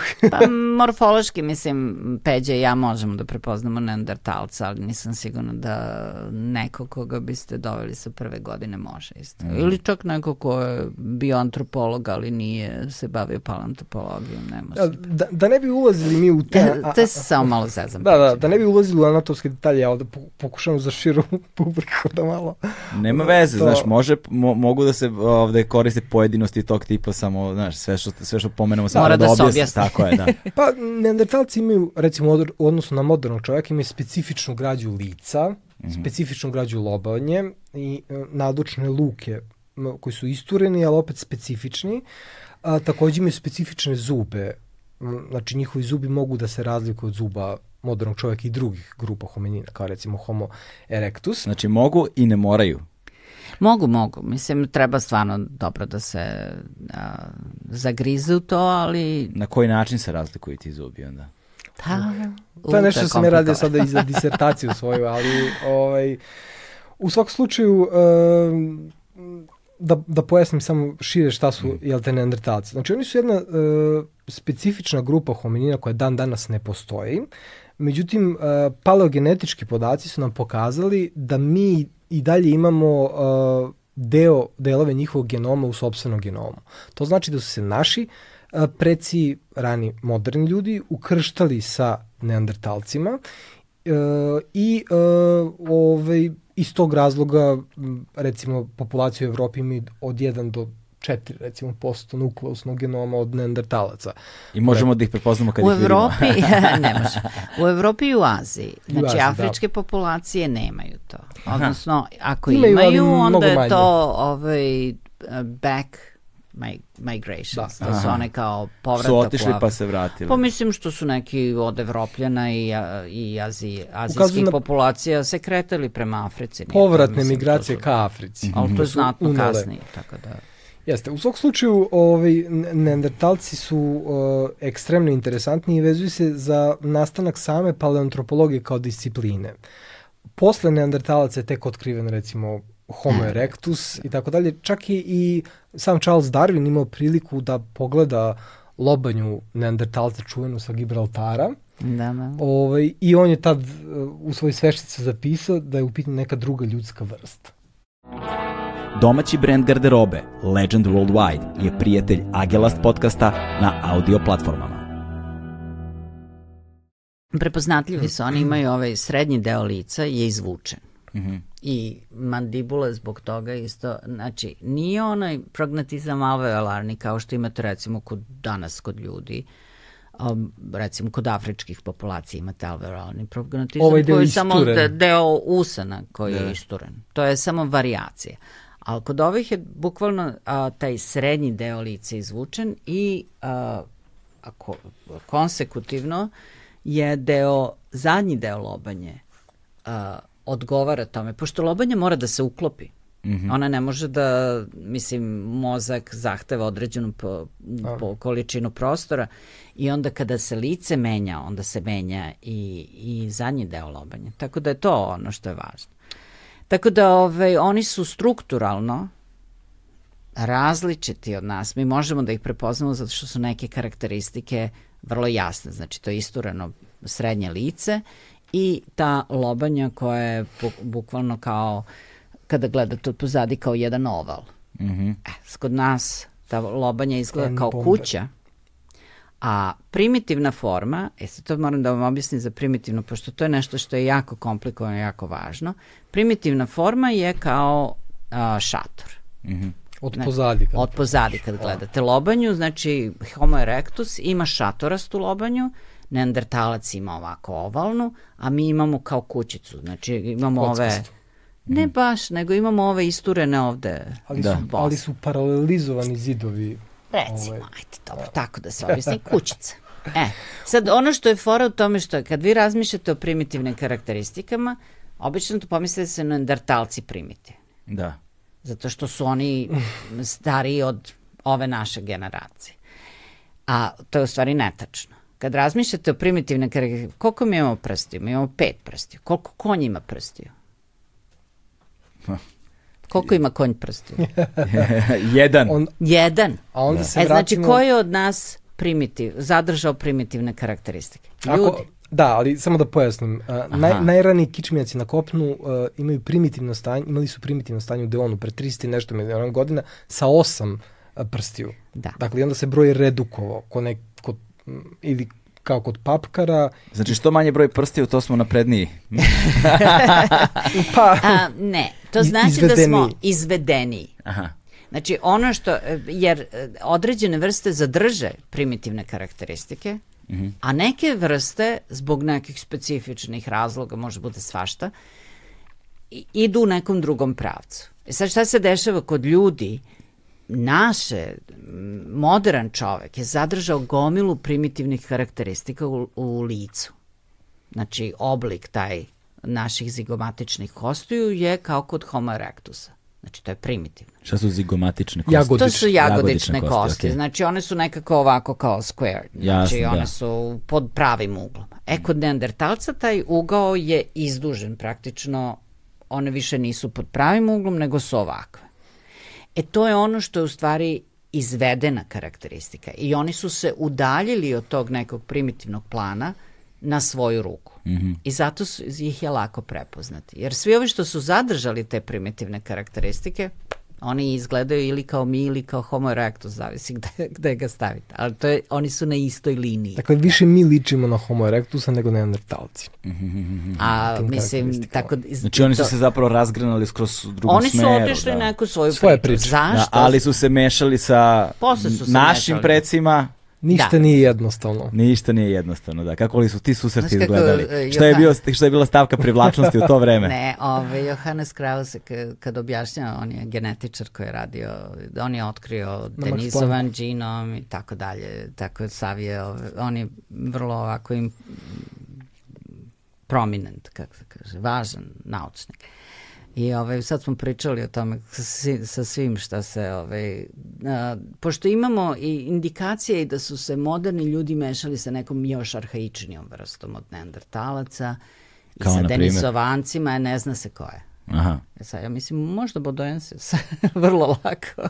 Ili je Rectus, ko će ga znati. Ili je Rectus, ali ove, on kaže, pa man, man would mate with anything. Znaš, kad ukucate na internetu kao um, what do humans have sex with? I onda ispadne sex with the bankomat. There is, that, was, that was one of the weirdest. Tako da, ovaj, if it moves, uh, it's fair target. Tako, tako da ove... Poznajem neke takve. da, ne, ne, mislim, ali okay. e, oni su verovatno, mislim, na, ne, na nekom osnovu prepoznavali, ove, pošto u biologiji je jako važno da prepoznate nešto kao potential mate. Znači neko ko, da, je, ko može da bude partner. I ove, verovatno je postao neki nivo kognitivni i kulturni koji je njima omogućavao da prepoznaju jedni druge kao kao kompatibilne kao članove iste vrste. Da, mm. i ono što je tu, ima čitav koncept vrste, to je taj species yes. recognition, Ovaj, ali da ne idemo sada u to. Što se samih neandertalaca tiče ono što je jako zanimljivo opet i u, on kao, u, u njihovu odbranu neandertalci su ekstremno sposobni ljudi bili koji su preživljavali u brutalnim uslovima. Znači, trebalo je tog mamuta uloviti, recimo. Ne. Uh, neke stvari koje doživljamo kao uh, najljudskije u smislu ornamenti za samoukrašavanje, muzika. Uh, pale umetnost, muzika, sahranjivanje, potencijalno se vezuju upravo za neandertalce. Tako da, uh, neandertalci su, by the way, u prosjeku imali veći mozak od modernog čoveka. Mislim, ja sam ubeđen da kada bi uzao neko neandertalsko dete, kao, kad bi mogao da ga uzmeš i da ga staviš u neku školu, možda bi bilo sjajan matematičar ili podcaster ili šta god. Uh, ne, ne, ne, dakle, nisu, nisu bili... Uh. Da, ne, ne, nemoguće danas reći na osnovu podataka kojima trenutno raspolažemo o anatomiji, o genetici, o ponašanju koje kroz arheologiju jel te, o, ovaj, proučavamo neandertalaca, neandertalci više definitivno nisu taj subhuman neki mm -hmm. moment, dakle oni su i tekako ljudi i ovaj, pravda za neandertalce. Sad, u tom kontekstu kako evolucija jezika tu funkcioniše? E. Pa oni su godinama mislili da ne, ne, neandertalac, što kaže Jean-Jacques, on možda je govorio, ali nije pričao kao mi. ja kažem šta pa da nije pričao francuski. ja, na... To je kolonijalni način posmatranja. Pa, da. da. prilike, da, da, da. Ali dobro, nećemo da imenujemo koje. Bolje nemojte više. Iako Nego šta sam teo da vam kažem, postojale su neke ideje da, ovaj, da oni jednostavno nisu imali aparaturu koja je mogla da, da o, omogući govor. Međutim, hioidna kost, ova podjezična kost, koja je jako važna u govoru, je nađena u Kebariju u Izraelu i mislim ona je potpuno identična sa moderno ljudskom hidnom košću, možda malo veće, bio veći čovjek. Što ukazuje na prilično moderni govorni aparat. Da. Ove, a, a kognitivno, mislim još i kad imate homo erectusa, znate, kad imate one alatke, kao, ste nekad videli one bifase, mm -hmm. one sekire. Da, da, vi tako ne, naravno, da. E, one su savršeno U obliku suze. Da. Savršeno lepe. Ja sam gledala jednu, to me fasciniralo još kad sam bila studentkinja u Saint-Germain de l'Auxerrois, oni imaju taj muzej palolitski i ovaj, ja sam otišla tamo to da vidim. Ima jedna sekira koja je ove veličine, koja nije mogla da se koristi. Niko nije mogao time ništa da radi. Ona je zaista pravljena samo zato da bude lepa. Da. I da je neko drži ono na, na znači, sad komodi. Pa da, sad govorimo o estetskim kategorijama. Nema tragove pa da. upotrebe. Nema ništa. Objekat, uh, čak i bile ima i neka teorija da su uh, da je možda postala neka seksualna selekcija, u smislu da su žene birale mužjake koje, mu, muškarci koji mogu najbolji taj... Eh, koji mogu napraviti najlepšu tu. Bifaz, pa koliko ih je onda pronađeno? e, a, a, to bi onda bilo more ovako tih sekira. E, ali upravo to, puno. Uh, ove lokaliteti u Africi, uh, neki su bukvalno mora ovako tih... Uh, Upiše se od pravljenja, znaš, to je. A Boxgrove? Tamo sam da, ja kopala, da, da. to isto savršeno. Božanstvene su, prelepe, A to nešto neverovatno. U, u, u Britaniji. Da. da li ima još nekih onda elemenata koji ukazuju na te estetske potrebe ovaj, ne, neandertalca? A, mislim, više su kognitivne nego Aha. samo isključivo estetske. Ja sam, ovaj, jedan kolega Pellegrin, on je radio kao neke analize um, eksperimentalne arheologije. Sad, šta radite kada pravite taj bifas? Pravite tu I sad on nama objašnjava kako pravi i sad mi sad pokušavamo da pravimo. Treba da vidite, moj prvi bifas je bio zaista... Kako se pravio? Prvo, da. prvo koji kamen? Uh, pa treba dobar kremen da bi se napravio lep, pa onda da. mislim ja sam uzela ovoliku komandišku kremena, znači nešto do dobrih 30 cm, to je bilo box screw. Koliko je teško to? Pa dosta, mislim. Ona, I onda uzmete alatku i okresujete. A koju alatku? A možete neki onaj jel mora da bude, Jel mora bude nešto što je... Pa, ko, što je kompatibilno sa dobom. Imaš i, i tvrde i meke I tvrde perkutere, i meke perkutere. Znači uzmete oblutak, pa oblutkom okrešete glavnicu i onda uzmete finiju jednu, ne znam, neki rog od životinje i onda njime okresujete finije slices. A, e, moja alatka je na kraju ispala otprilike jedno 5 cm visine i 6 cm debljine, što mislim, ne bi se nikad udala da, da. da su po tome merili. Tako da ovaj, nije bilo, ovaj, nije bilo pretredno dobro. Međutim, kad nam je on objašnjavao kako se to radi, a, u jednom momentu primetite da on svaki put kada okreće alatku, da vidi gde će da udari sledeću mm -hmm. a, fasetu, znači gde će sledeće okresivanje da se desi, on stane u razgovoru i njemu ispadne jezik. I, sa, I ja sam ga pitala baš to, ja kažem, mislim, alo. uh,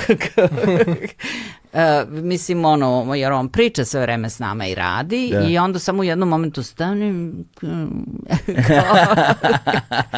misli, da, da, planira. Znači, da. definitivno i nama, a znači definitivno i našim precima je taj moment kada on okreće alatku da bi video gde će sledeći mhm. udarac mm. da se desi, je moment planiranja, znači da. ukazuje na to ne može, razmišljanje. Da, da. ne može da se uradi tek tako. Ne možete da je, date detetu i Ti moraš da imaš model a priori u glavi da, toga što da. želiš da napraviš Znači moraš da, da imaš zamisao, moraš da imaš moć abstraktnog to, razmišljanja, da. planiranje unapred, da, što da, je vrlo da, da. specifična stvar, posebno kada govorimo o čoveku. Znači, kad posmetaš razvoj deteta, to te trenutak kada se desi taj taj, taj, taj kvantni skok kada ne samo kapira, nego ima svoje ideje. Da. I svoje asocijativne nizove i planiranje šta i kako je na to ume da bude strahovito komično, ali beskreno fascinantno. Znači, ume, ume zaista, dete ume da ti iznenadi na načine na koje ono nisi ni pretpostavljao. Da. Znači, bukvalno tom slobodom asociranja. Mali hominini. Pa da, buku, pa da, ali slobodom asociranja koje nije opterećena društvenim kontekstima nikakvim. A, onda, I onda šta se tu dešava da, u tim tako je meni moja koca kad je imala pet godina rekla, ovaj, pošto sam ja radila sa kostima, ona kaže, tako ćeš, kad baba umre, ti ćeš onda da spojiš njene kosti, staviš kožu i ona će ponovo da oživi. Dobro. ok, znači onda treba da pročitam Mary Shelley. da. Frankensteina u tom slučaju. Ovaj, um, šta sam teo da dakle, dakle, uh, je li, u kako je drugim pokušajima ispalo? Pa nisu se posle malo ja ali, sam... zanimljivo, ali zanimljivo je to kakve veze imaju te fascijalne ekspresije sa, sa Opet, razmišljanjem. Da, da. Pa mislim ono... Znam. Kakav je to evolutivni ono bug ili kao rep? Pa dobro... Ima to, Ana Majkić to radi. Mm. Ana, naša, naša koleginica sa filozofskog, ona se baš bavi time kao šta se dešava u mozgu i u ponašanju kada neko pravi a, ureze u pećini. Mm -hmm. Oslikava da. pećinu ili tako nešto. Tako da ima, ima dosta zanimljivih da. stvari. No. Kakav li je bio jezik neandertalaca? A, to ne. To ne možemo da znamo. Nažalost, neke stvari nikad nećemo saznati. Mm -hmm. A neandertalci... Ali je bio verovatno kompleksan. E sad, to je ono što je problem. Svakih humani jezik ima fonologiju, morfologiju i sintaksu. Znači imate zvuke koje mm. kombinujete, imate reči koje se menjaju i imate uh, nizove reči koje nešto znače.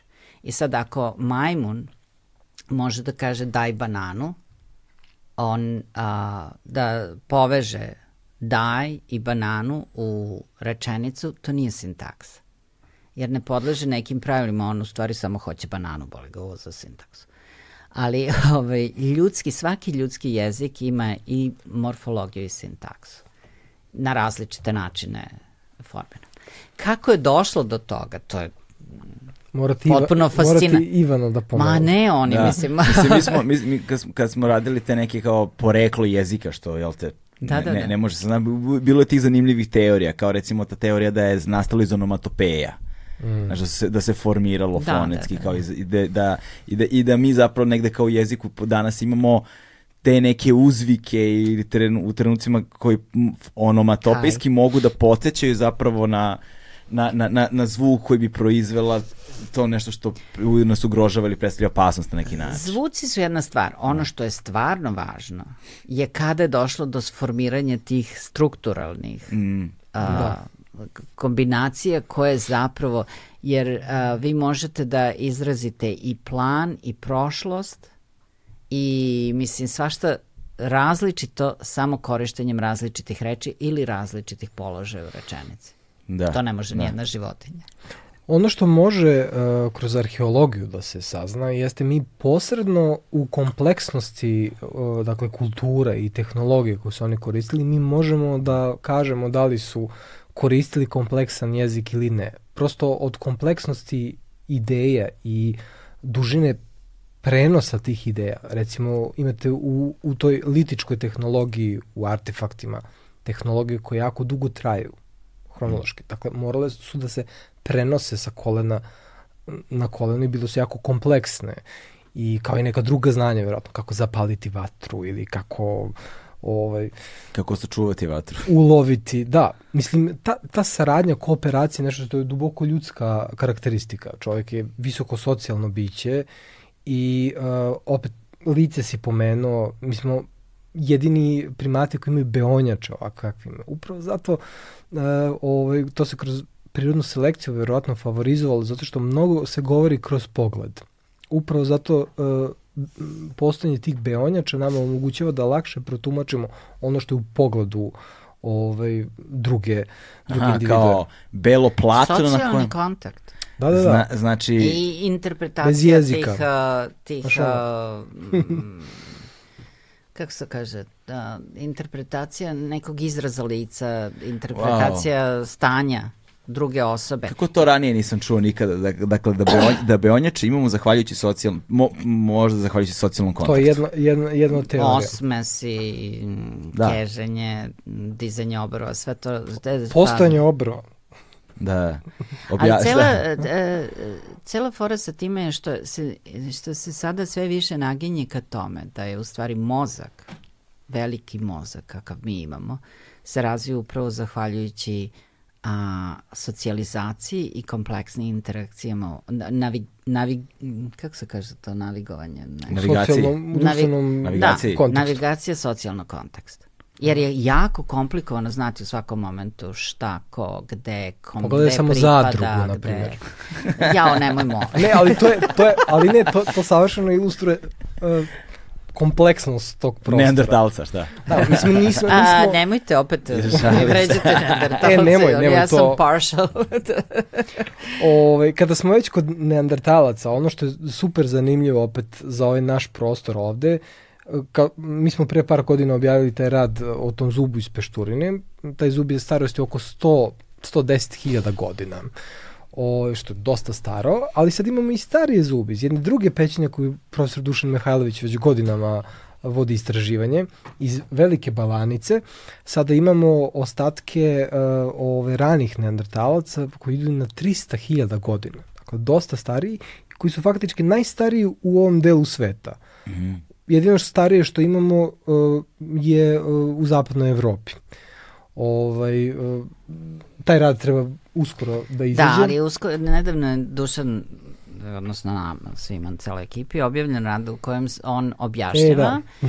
da uh, alatke koje imamo istovremeno na tom lokalitetu, znači neandertalci najverovatnije dolaze sa zapada mm -hmm. na ovaj prostor, ali alatke koje imamo, čitav niz alatki u stvari dolazi sa istoka, iz Izraela, znači sa Levanta. Znači imate opet Balkan, ono, Kao mesto susreta. Kao raskrsnica, središte. I po, m, vrlo moguće da je isto i ono kao, kako, što zovemo source of culture production, ali kako bi to, ovaj, da isto je izvorište nekih novih kulturnih ideja. Ideja, tradicija. Mm. Za, baš zbog toga što se tu susreću grupacije, različite I, I šta je to po čemu se razlikuju onda neandertalci sa ovih prostora u odnosu na, ne znam, na neandertalce sa zapada ili sa istoka? Pa za sad eh, ne možemo da pričamo o razlikama, pošto prvo smo ustanovili da oni postoje ovde i to na osnovu vrlo da. malog broja zuba. Koliko broja zuba? Koliko ne? Sad imamo negde oko osam, jel? Sedam, osam, da. da. To, to je... Gde se čuvaju ti zubi? Ovde u Beogradu. Da. Gde? pa, uh, Oni će biti na trajnom ove, čuvanju u Na trajnom čuvanju će biti u Narodnom muzeju. Okay a za sad su u okviru zbirke Paleolita i Mezolita na Filozofskom fakultetu kod profesora Mihajlovića. Mm -hmm. Ali i, i Peđe.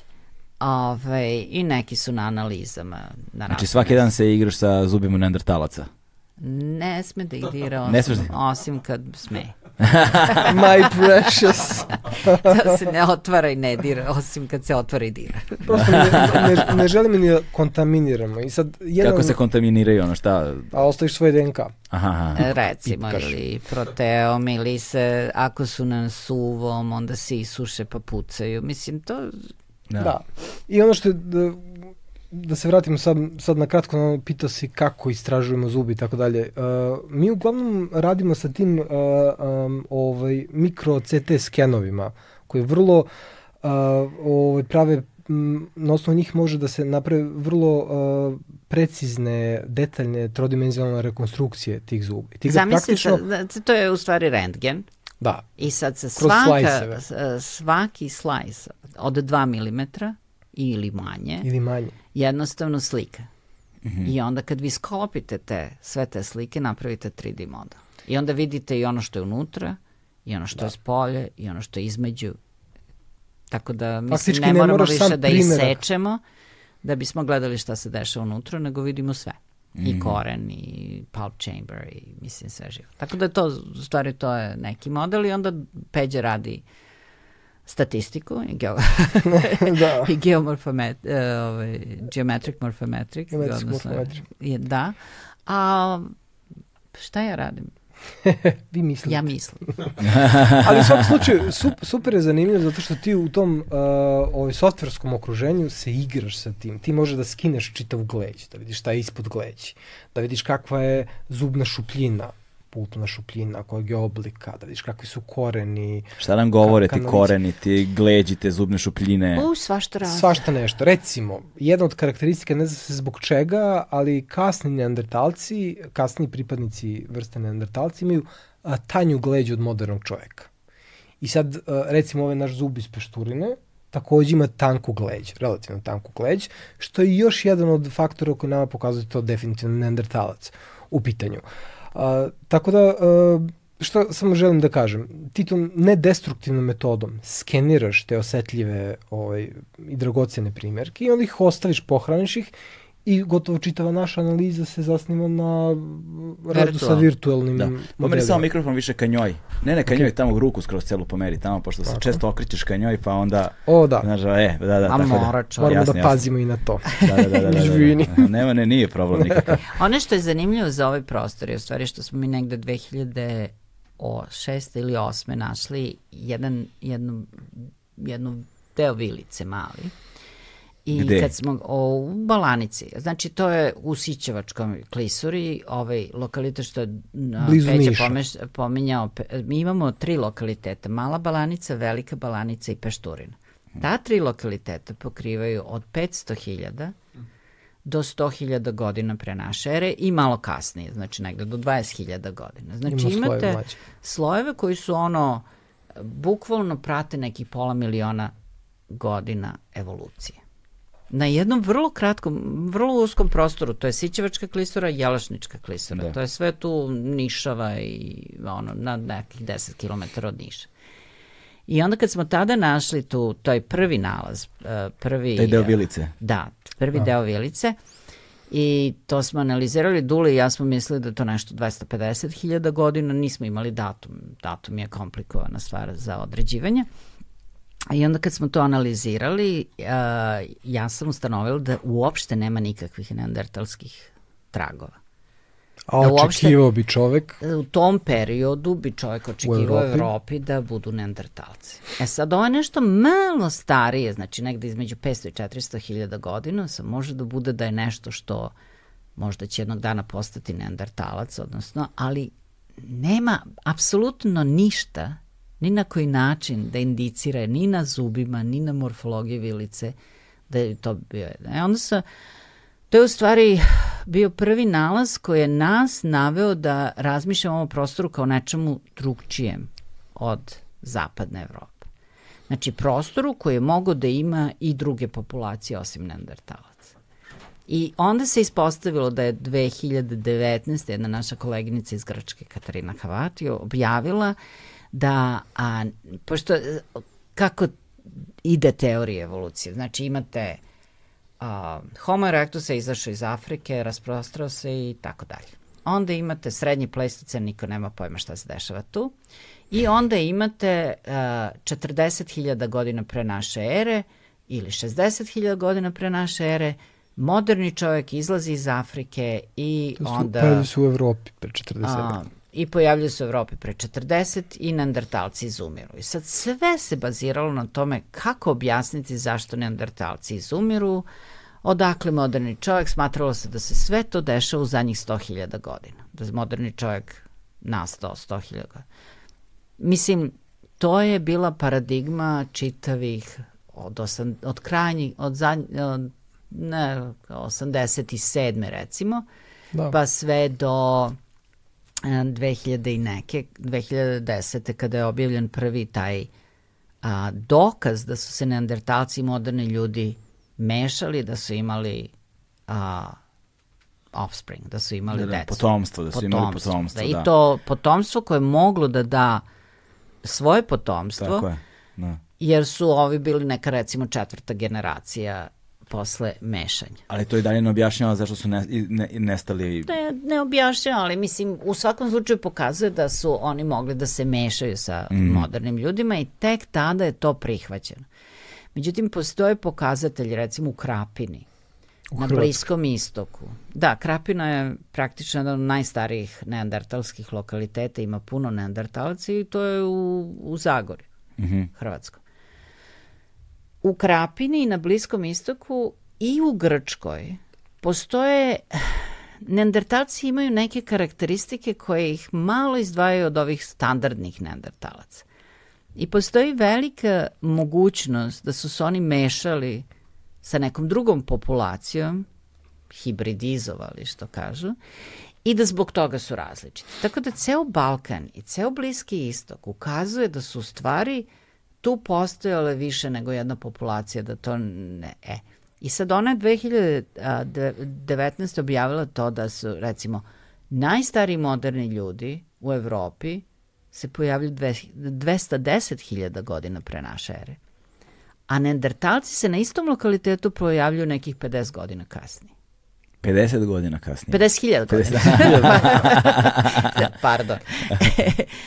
e, i sad to menja znatno sliku, jer izgleda da je da ovaj istočno-mediteranski prostor u stvari imao a, dolazak iz Afrike tih modernih populacija više puta. Oni su dolazili, pa mislim, baš im nije uspelo, tamo su neandertalci. Da. I onda se oni ili utope u te neandertalce, postanu neandertalci, ili jednostavno nemaju dovoljno um, moći da, da se prošire, jer su neandertalci da. već zauzeli tu ljudsku ekološku nišu. A ono što je isto zanimljivo u celom tom kontekstu je da su genetičari, naš kolega Kozimo, Ove, genetičari su ustanovili da je došlo u Evropi do mešanja između neandertalaca i modernih ljudi negde 270.000 godina pre naše. I više. I više. I više. Da. Po, possibly više, Vrlo to je neki ono. Znači, znači da postoje, a ovi se pojavljuju 50.000 godina da. kasnije, tako da to govori o jednom uh, anahronom... Pa ne samo to, govorim vam da vi imate potencijal, da se te populacije u stvari mnogo više kreću nego što smo i ikad mislili. Da, da. Ovi neandertalci idu sa zapada, kultura dolazi sa istoka, um, dolaze i moderni ljudi tu i tamo, znači i u Izrael i u Grčku imamo moderne ljude pre 130.000 godina, 170, 210. Znači, postoje ti neki prodori tih ranijih. E sad onda, uh, pošto Koliko ova balanica... Koliko se oni zadržavaju? Pa, mislim, koliko uspeju, to ne možemo da znamo, jer oni ne, ostaju, ne ostavljaju permanentnog traga. Znači, oni su došli, tu su jedno vreme živjeli, možda to bila neka malo manja grupa, malo veća grupa i onda su se ili utopili u neandertalce ili su nestali. Hmm. Tako da je to neki poen, poenta, mislim, celog tog istočnog Mediterana, da oni u stvari, ja mislim da oni non stop negde tu cirkulišu. Mm. I da zbog toga imate tako neobične, mislim, varijante, na, ovakvi attenuated neandertal, ne, nešto, jeste neandertalac, ali malo drugčiji i tako dalje. Šta je na kraju bilo s tom vilicom? Pa ta vilica je nama poslužila u stvari kao razlog da a, razmišljamo kako bismo nazvali tog čoveka, mislim, ko bi u stvari to bio? Mislim, ja mislim da je to neki Afrikanac, da je to nešto što je došlo iz Afrike, znači u tom nekom ranom periodu. Jer ti bilo više, više i bilo je puno tih prodora iz Afrike, iz istočne Afrike u, u mm. Aziju, malu Aziju i u, Balkan. Da, da, to. Ja sam poreklom iz Somalije, pa sam upoznat malo sa njihovim tamo, ovaj, ali uh, e sad to je ovdje imamo kao stavku više pokuša naseljavanja anatomski modernog čoveka iz Afrike, zapravo to... Pa to je upravo što je, što da. je da. Mirjana, da. Mirjana rekla. Ovaj, do sada se mislilo da je pre nekih četrdesetak, možda čak i 40, ajde, 5-6 hiljada godina, a, po prvi put imamo neko trajno naseljavanje modernog čoveka u Evropi. I od tad pa nadalje Dakle, imamo gašenje neandertalaca i uh, ovaj moderni ljudi su jedina onda vrsta koja živi na teritoriji Evrope. Međutim, kao što je rekla Mirjana, ova novije istraživanja su pokazala da tu uopšte ne mora da znači da je tako i taj sam primer da je pre 200, 210.000 godina imate faktički verovatno moderne ljude e, na Peloponezu, a onda na ist, u istoj pećini, ka, nešto kasnije, 50.000 godina imate neandertalce, znači da su, da su neandertalci potisnuli moderne ljude. Znači da je bilo mnogo više kretanja populacije i pričam ekstremno kompleksno. Ono o čemu nismo govorili, a, a. Da, da bi da, da, da bi, da bi malo shvatili ljudi uh, Ove, iako je Homo erectus može biti vrsta od koje su nastali kasniji hominini, kao što su neandertalci i modern čovek, i sam Homo erectus na teritoriji jugoistočne Azije do pre nekih stotinak hiljada godina opstaje u tim džepovima. Pa na ostrovima imamo te neke ostarske fenomene kao što su Homo luzonensis, Homo floresiensis, dakle koji su uh, ovaj, patuljast ljudi, i ovi krstili su ih kao hobiti. Ovaj zato što su po, po da njih su relativno skoro pronašli. Da, to je baš da, nešto da, skoro. 2000 tih. Da. A Luzonensis je pre par godina mm. faktički. To je, beš, to je nešto ne u Kini, nego... De... No, Luzonensis su ove Filipini. Filipini, da. da. da. Tako da pokazuje da je uh, ljudska evolucija i diverzitet vrsta uh, mm -hmm. ove, ovo sadašnje stanje da imamo samo jednu vrstu je kao izuzetak do relativno skoro je bilo puno različitih ovaj, populacija hominina vrsta, jel te, ovaj, širom ovaj starog sveta. Pa recimo, možda neki od najranijih modernih ljudi mi imamo u Severnoj Africi pre nekih 300.000 godina, to je kao trenutna paradigma, a u isto vreme imaš možda ovaj, jednog dosta primitivnijih hominina sa manjim kranijalnim kapacitetom u Južnoj Africi Homo naledi, koji je otkriven, koji sličan po hronologiji. To je nešto što danas naravno ne postoji. Koji u stvari više kao Australopithecus. Mm -hmm, da. Upravo tako, može Kao čak. da je verovatno neki Australopithecus koji je jednostavno Opstao. nastao da živi u tom delu, nikoga nije gnjavio i mislim... Da, znači kad govorimo zapravo o tome da je, postoji čovek na planeti Zemlji, postale više različitih ono iteracija o, da. čoveka da. i da su različiti čoveci. to, to je interna fora. Uh, sa svojim bratom Milošem sam tako mozgao i pričali smo i kao razmišljam, ok, ukoliko kao raj postoji, kad se tačno raj otvorio, za koju vrstu? Kad, kad je krenuo kao... Da, da, da, da, da, the origin of religion. Da, da, da. da. ovaj, da li Homo erectus išao u raj. Ali, o, ovaj... Uh, Stvarno, svašta i vi pa Milo pričate. Mislim, kao... Ko je fac. Ovaj, tako da... Uh, Gde su neandertalci onda završili? Šal, evo u meni, mislim. Da, da, da. Ovaj... Ti si raj za neandertalce. Pa ja sam ovaj njihov pobornik. Ja sam čak razmišljao jednom trenutku, ja i, i koleginice naše uh, uh, dobre Senka i Sofija sa filozofskog fakulteta kao da mi osnovimo neandertalsku stranku. Pošto se ovi kao sad pozivaju Absolutno. na Srbi narod najstariji, a mi kažemo, ma ne, mi smo originalni evropljani neandertalci, kao ajmo srpska neandertalska stranka. Totalno Ja mislim da ja, ja bi se potpuno... To, potpuno da, ja bi za vas glasala odmah. je, je li to i komand Vilice, odnosno taj čovjek dobio ime na kraju? E, da. Pa još nije. Mislim, mi sumnjamo da bi on mogao da, da pripada vrsti koju smo mi nazvali Homo bodoensis. Ali nismo nazvali vrstu na osnovu te vilice, mm -hmm.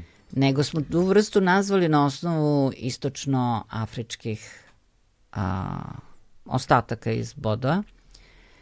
Zbog toga što mislimo da je ova vilica u stvari vrlo slična nekim afričkim varijantama. To mislimo, ali ne znamo, zato što treba tek da uradimo analize da vidimo da li je naša interpretacija uh, korektna. Ali ovaj, ono što je u stvari zanimljivo za tu vilicu je što ona u stvari povukla nogu, što ne kažu da jednostavno počne da se prihvata da su dve vrste živele istovremeno u Evropi i da. kretale se sa Bliskog istoka i iz Evrope tamo nazad. Tako sretale da se? Pa sretale se. Kako li su sukobi njihovi izgledali? Sigurno ih je bilo. A, zavisi sad. A, kada je kad imate saber-tooth tiger, sokolo, i kad imate tako velike uh, predatore. predatore i takve stvari, onda vam ovi, ove, što izgledaju prilično slično vama, Dođu saveznici. Dođu kao, ajmo baju da u ortećima da bijemo ove ostale. Mislim, Zamislim pitanje. noć pre 300.000 godina. znaš, ono, kao, vatra, sigurnost, tamo svašta nešto može da te pojede. Mislim, sad smo mi apsolutni gospodari planete naše, jel te? Mi smo ono apex predatori i kao ubijamo sve živo, jeste. A ne, do nedavno, geološki nedavno, nije bilo baš tako. Znaš, kao, da. bilo drugi stvari koji zaista mogu da te ovaj, pojedu i kapiram da je ko, kooperacija bila možda važnija nego sukob, nego sukobi, ovaj, mm. prosto radi opstanka. I, I drugo što ljudi male nisu su bile... nužno, ovaj, ljudi se ne, ne sukobljavaju nužno, to je neka, hmm. neke, to su neke teorije ovih kasnijih uh, a, perioda, u stvari kada vi imate velike aglomeracije ljudi da. i onda one imaju svoje različite interese i tako dalje. Kolaboracije, altruizam i kooperacije su starije vrlo, od sukobljavanja. Vrlo važne za ljudsku evoluciju. Da. To, to je Kropotkin pisao još. Da, da, da. da.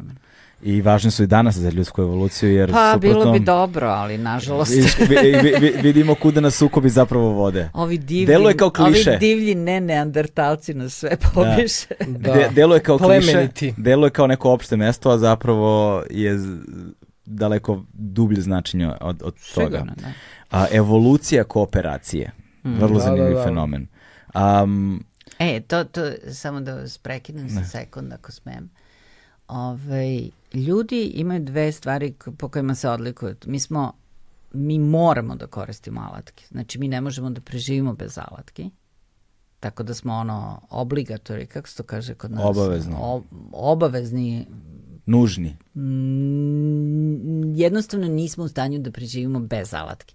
Druge životinje mogu da koriste alatke, ali ne, ne moraju. Mi moramo. I druga stvar koju moramo, to je da smo, moramo da budemo članovi zajednice. Mi smo ne, ekstremno socijalna vrsta. Osim asketa ovih koji se povlaču pustinje. Dobro, sve, I oni imaju svoje, u biologiji. I oni imaju svoje zajednice. I oni imaju svoje neke varijante komunikacije, ali mislim, ljudima je apsolutno zašto je COVID bio strašan svima. Zbog mm. izolacije. To, da, to da, da. zaista poremećuje psihologiju čoveka, mislim, i jednostavno način na koji mu funkcionišemo. E, I te, i sad zašto su zoomovi i ostale stvari postali toliko važni u ljudskom životu, jednostavno zato što morate da imate neku, neku bazu, neku grupu sa kojom možete da komunicirate. I te grupe su u stvari produktivne, odnosno one su izvor našeg visokog kranijalnog kapaciteta i takvih stvari, znači svega onoga što je vezano za čoveka – Međutim, postoji kontraproduktivne kada, kada se identitet sa grupama u stvari onda suprostavlja ostatku grupa. Mm -hmm. To je problem. E, uh, tu smo došli do tačke Ovaj, uh, sad, sad, pre toga možda da pomenemo taj evo, uh, uh, rad koji tek treba da bude objavljen u trenutku kada mi ovo snimamo. Da, da, prihvaćen. prihvaćen. Da. Uh, u čemu se radi? Pa, hoću ti ja. Naravno. ovaj, uh, Pa to smo već pomenuli, ali u toj jednoj od tih pećina ovaj, u blizini Niša u, u Velikoj Balanici u uh, sloju starosti oko 300.000 godina imamo ostatke više uh, ljudskih individua. I ti zubi su jako zanimljivi, između ostalog uh, zato što među tim zubima imamo ostatke, uh, ovaj, imamo uh, prvi gornji molar, dakle, koji je vrlo, uh, vrlo taksonomski osetljiv. To je omiljeni zub zub. Dakle, koji je to zub? Peđin omiljeni zub. da, da, da. Peđa, koji ti je omiljeni zub? Uh, gornji Prvi e, M1, mola. šestica što bi rekli ovi Šta bi rekli? Šestica. Zubari. Šestica. Da, da, da, da. Gornja šestica. Jeste. Zato što uh, neandertalci imaju vrlo izvedenu formu uh, tog zuba. Znači, kod neandertalaca su ti zubi naglašeno romboidni, ta neka a, kvržica hipokon je relativno velika i isturena, a sami vrhovi kvržica su orijentisani kao unutra, tako da je unutrašnje okluzalno polje a, manje nego kod modernog čoveka. A modern čovek praktično zadržava primitivnu formu kao i Homo erectus i drugi hominini. Dakle, više kockasto uh, oblik, outline, dakle, tog zuba i uh, kvržice nisu orijentisane kao unutra i taj hipokon nije toliko relativno veliki u odnosu na ostale kvržice. I zub je dobar da odrediš vrstu da. kada nađeš. To jest da kažeš da li je neandertalac ili nije neandertalac, da budemo precizni. Ovaj naš zub uh, pokazuje da je definitivno pitanju neandertalac. Ali? Šta više, uh, da odgovara uh, najranijim populacijama neandertalaca iz zapadne Evrope, morfološki. Ovaj, uh, tako da mi sada imamo uh, najstarije ostatke neandertalaca faktički u ovom delu sveta van zapadne Evrope, što je, što je jako, jako važno. A takođe iz jednog mlađeg sloja, a to će biti jedan od budućih radova, takođe imamo taj zub, ovaj, uh, tako da je, Isto je neandertala. Mo, da, moguće je da imamo više horizonata naseljavanja neandertalca. Možda je stotinu hiljada godina e, taj jaz između hronološki između ovih neandertalaca i tih kasnih. Onda će biti zanimljivo uh, detaljno uporediti uh, te populacije sa tog lokaliteta. Tako da ovaj uh, možete i vi ako želite nešto da... pa ne, ne, do, ono što, što sam rekla, mislim, to je m, definitivno imate neandertalce koji dolaze sa zapada, Španije, da. i onda imate ove moderne ljude koji su u stvari a, moderne ljude koji su dolazili tu tamo i s vremena na vreme iz Afrike i onda imate tu a, način pravljena alatki i taj package tehnološki koji dolazi sa Levanta. Tako da u stvari vidite na jednom malom prostoru neverovatno koliko su kompleksne da. te kretanja populacije, ovo, ono, sve ono što mi to nismo, mislim, što jednostavno nije uopšte ulazilo u neku um, ideju o tome kako, kako izgledala evolucija. I ono što je sad stvarno zanimljivo, što ovo sve, ovo što mi sad radimo, u stvari na ono, na, na vrhu nekog promene paradigme u, u evolucionoj nauci, odnosno u načinu posmatranja evolucije hominina u Evraziji i onda naravno i u Africi. Pošto sve je opet ide iz Afrike. Pošto svi ti nove mm. vrste uvek nekako dolaze iz, uh, iz istočne Afrike. Da. To ti je kao neki centar gde se neke čuda dešavaju i onda oni... Žarište. Da, da, neko da. žarište. A mi smo i u malo dubljoj prošlosti ovaj, i ovaj prostor takođe jako zanimljiv. Recimo, na prostoru Balkana imamo možda najranije hominine pre ovih afričkih australopitekusa, uh mhm. -huh. koji idu na nekih možda 7 miliona godina, između 7 i 6 uh, e, miliona godina, ovaj, imamo ostatke iz Grčke, iz Bugarske, imamo tragove dvonožnog kretanja sa, sa Krita, uh mhm. -huh. što je fascinantno, koji idu na 6 miliona godina. Ovaj, tako da i što se te dublje prošlosti tiče, ovaj prostor može biti jako interesantan. Mi smo to pokazali isto u jednom radu koji smo objavili pre par godina, gde uh, gde naš kolega Zoran Marković, doktor Zoran Marković Prirodnjačkog muzeja je otkrio taj lokalitet u, u blizini Šapca, uh mhm. -huh. odnosno Vladimiraca konkretno, ovaj, uh, gde smo našli dva zuba majmuna fosilnog, e. koji idu na nekih 3 miliona godina. I to je... Uh, majmun... Kako je izgledao taj majmun? Pa kao, kao, kao današnji pavijan, kao babun, ali krupan. Kao najkrupniji neki od, od, od današnjih uh, pavijana. Ove, dakle, Pavijan još jedna karakterna osobina koja... Pa sve to završi na Balkanu, šta da, to da. kažem. da. Boga mi i, do, i dolazi sa Balkana kako stvari stoje. I, I vrlo zanimljivo kako zapravo na ovom podneblju, generalno za ceo svet to važi istoriju čoveka kao takvog, ali kako je ovo podneblje od uvek bilo mesto susreta i, i migracija i, i mešanja i da, da, da. da, to, da to nije stvar samo danas i pre 100 da, i pre 500 da, da, godina, nego da to zapravo tako oduvijek. E, ali, ali zamisli kontekst ovde, to je pre neki 3 miliona godina, to nije ni još uvek pleistocenska epoha, već pliocen, kraj pliocena. Uh, zub tapira je recimo nađen u istom sloju, dakle, na tom lokalitetu, a tapiri naseljavaju gusto pošumljeno ono, tople mm. šume, tako da definitivno je bilo drugačije.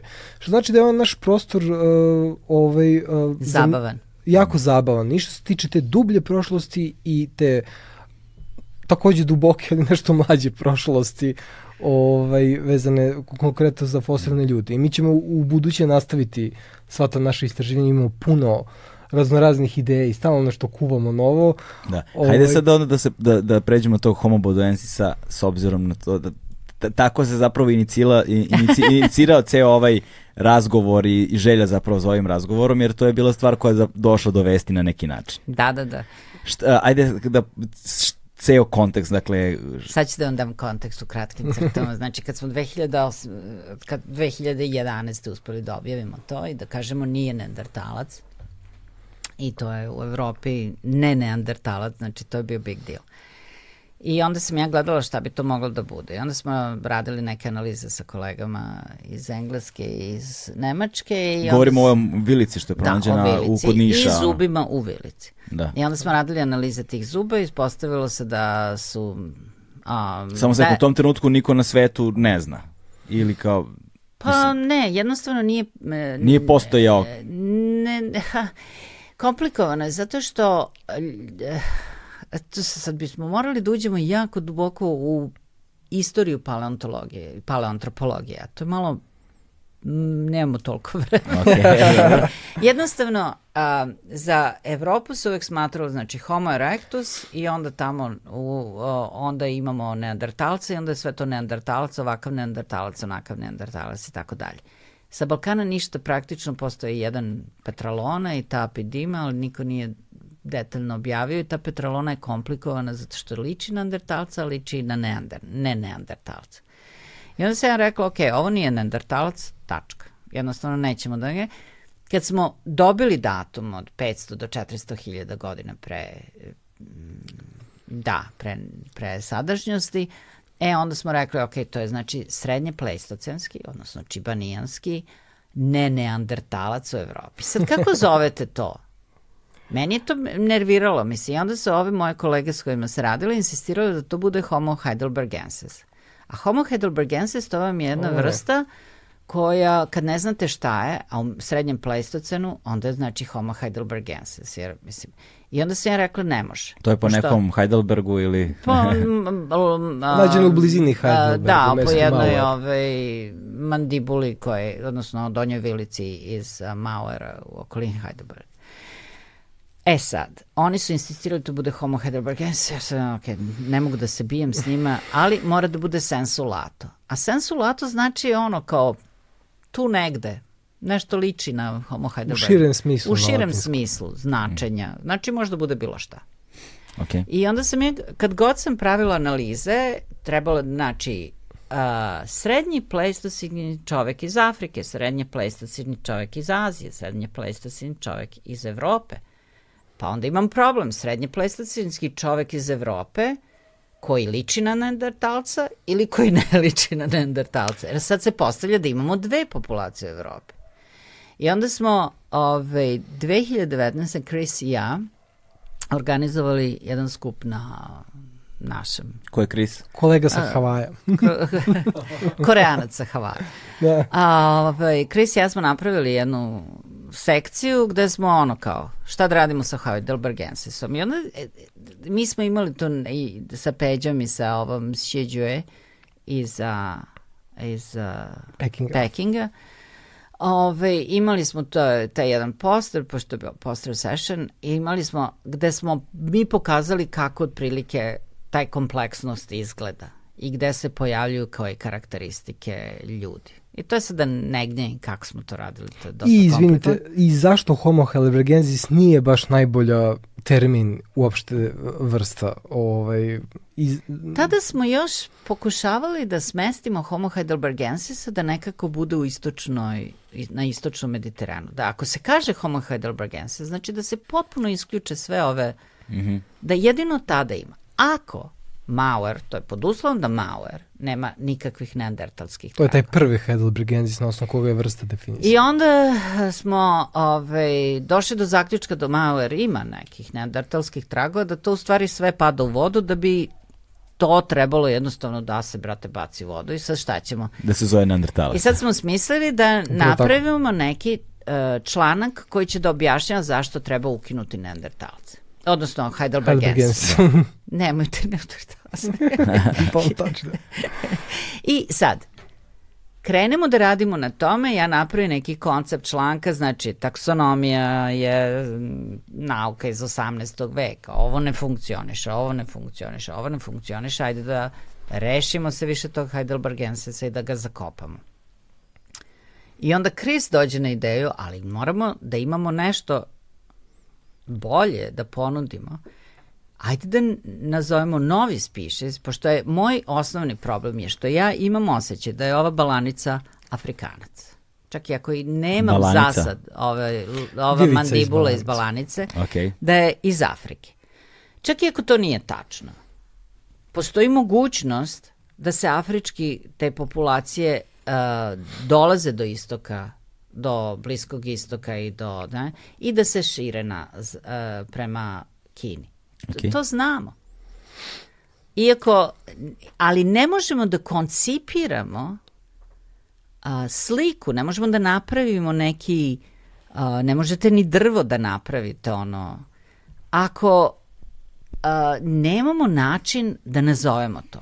Ako ja za sve kažem srednje pleistocenski evropljanin. Ne neandertalac. Ali onda moram da budem specifična. Ne neandertalac, srednje evropljanski ne, evropljanin neandertalac, srednje evropljanin, srednje plestocinski evropljanin koji možda ima neku mešavinu između neandertala.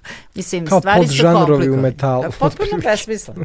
da. I onda, mislim, je ideja bila, pa dobro, ajde da smislimo da tog a, Afrikanca, ja sam ranije još htela da ga nazovem sa nekim afričkim imenom. Jedino afričko ime koje postoji za srednje pleistocenske hominine, to je Homo rhodesiensis. Uh. A to, e, mislim, zaista... Hajde, hajde, da, hajde da otvorimo temu. pa, pa, mislim, imenovanje je važna stvar i one pokazuje, brate, da je ta naša nauka jednostavno jedna kolonijalna nauka i da. išli Britanci, brate, kopali tamo rudnike i onda im ovi nesrećni rudari doneli i fosila i onda oni su nazvali fosila po Rodesu, odnosno Rodezi, koja je tada bila njihova kolonija. Ne, nepriznato država. Niti su Afrikanci se pitali, niti, niti su se pitali bilo koji drugi, niti ima ikakve logike, mislim da, da, da to bude tako, ali eto tako je. Da. A Rodezi je dobila ime po Cecilu Rhodesu, koja je jedna vrlo diskutabilna istorijska figura. Pa kao kad bi neko bio nazvao nešto po ovom belgijskom kralju Leopoldu koji je tako sekao ruke ljudima iz čiste da, da. mira i takve stvari. Upravo, Mislim, to su... uvredljivo je za ljude u Africi danas, definitivno. Da. I niz ima um, Pa nije pokreta. uvredljivo, nije, nije to poenta. Da. Meni. Ne, ne, Mislim, to moguće poenta, da bi, jeste. da, da neki ljudi uvredljivo. u Africi bi, ako im je uvredljivo, trebali sami to da reše. Mm. Uvredljivo je bre meni kao paleoantropologu da se pozivam na Cecil Rhodes. Da kažem, ja sam paleoantropolog sa Balkana i ja ću sada da kontinuirano nastavim da a, prihvatam kolonijalnu praksu paleoantropologije. Dušan i ja otkad radimo ovde. A, sarađujemo sa jako puno različitih inostranih institucija. Mm. Ali je poenta u tome što ovo, e, naš tim i naš način rada nije kolonijalni. Mi radimo potpuno i tamo gde radim, mislim, u drugom kontekstu, gde nisam lokalna, kao što je u Kubi i to, ja radim sa lokalnim ljudima, lokalnim stručnjacima, baš zbog toga što oni znaju više nego ja što imaju bolji uvid u taj materijal nego što mogu ja da ga imam koja sam padobranom sletala negde. To, se, to nije samo problem paleoantropologije, to je problem i ekologije. Dođe vam neki padobranac iz Amerike da vam kaže šta vi treba da mislite o svom environmentu. I onda on nađe tu da niste ovo dobro uradili, niste ovo i da treba ovako i treba onako, što apsolutno nikakve veze nema sa lokalnom kulturom, lokalnom klimom, lokalnim, jer on zna bolje. Zato što mi svi sa zapada znamo sve bolje nego bilo ko drugi. I, i mi mm, smo da. internacionalna uh, community. Mi smo, mi smo oni koji određuju šta će ceo svet da misli. Pa za Da, I kako će ceo svet to da naziva? Ima ta, e sad, to je, da. to je poenta. Nazivanje je jako... Um, Imenovanje je važno. Imenovanje je nešto što jako... U, u, u mnogim aspektima života, ne da, samo u paleontologiji. Da, da. da, kako ćete nešto nazvati, pokazuje, to, to je power relationship, to je neki da. odnos snaga, ko imenuje, šta imenuje. Čak i ovaj, jedan od reviewers rekao nama, kao pa, a, besmisleno je da kao novu afričku vrstu imenuju uh. beli antropolozi. Uh. Ja sam na to rekla prvo, mislim, Chris je koreanac, Šjeđuje je kineskinja, a Peđa i ja ne, nismo zapadnjaci, prema tome nismo beli. Ne. Kako god da ga okreneš, oni Balkan ne smatruju evropljenima uopšte.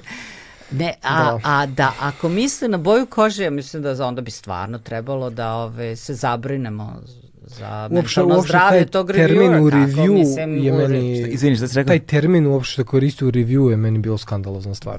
U recenziji? U recenziji. Čovek napiše beli antropolog. Da si realan. Strašno. Mislim... Da. A pazite, pritom je to garantovano.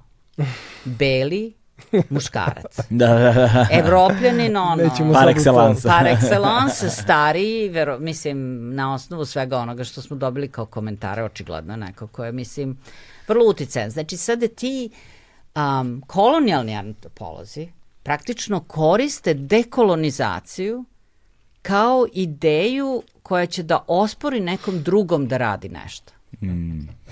Ta, tako da mislim, a cela situacija je vrlo absurdna. Potpuno absurdna. Ok, i u suštini oni, vratimo oni, oni žele da kontrolišu i da, terminologiju da, i, i stanje u nauci. Znači oni su ti koji određuju da li ovaj, nešto, da li nešto ok ili ne.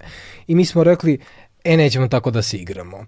Ovaj, mm, onda smo razmišljali o tome, uh, pošto postoji taj kod zoološke nomenklature, gde postoji Komplikovan. Komplikovani kod uh, na osnovu koga definišeš uh, nove vrste i druge uh, taksonomske kategorije, rod, family i tako dalje. I sad uh, razmišljali smo, želeli smo da odaberemo taj holotipski primerak, primerak uh, na osnovu ko, koji se direktno vezuje uh, za samu vrstu.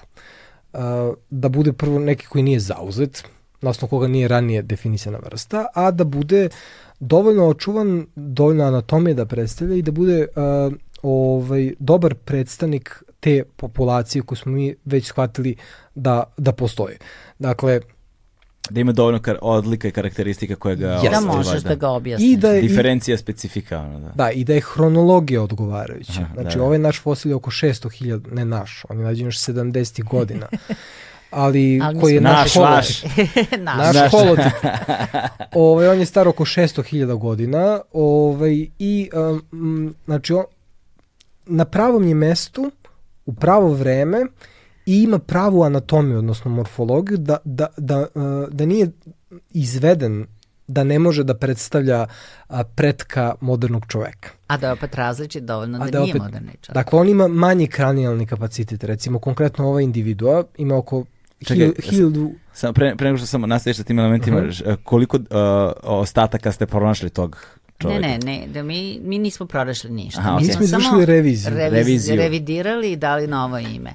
I to je isto nešto što je išlo uz nos, mislim, uh, uh, establishment. Aha, aha, okay. U stvari mi smo rešili da sada ovaj, Uh, mi smo to uradili na osnovu tog, pošto uvek mora da se na osnovu jednog uh, holotipa, onda imaju paratipovi, onda ima hipodajm. To su različite kategorije, znači ko sve pripada u tu grupu. I mi smo stavili da u tu grupu nalaza. od poznatih nalaza pripada i jedan evropljanin, Indicirali smo da možda i mala balanica pripada tu i stavili smo neke ove, razne razne ove, afričke uh, individue i tako dalje i čak ko bi mogao da bude predak svega toga. Sve smo lepo to uradili.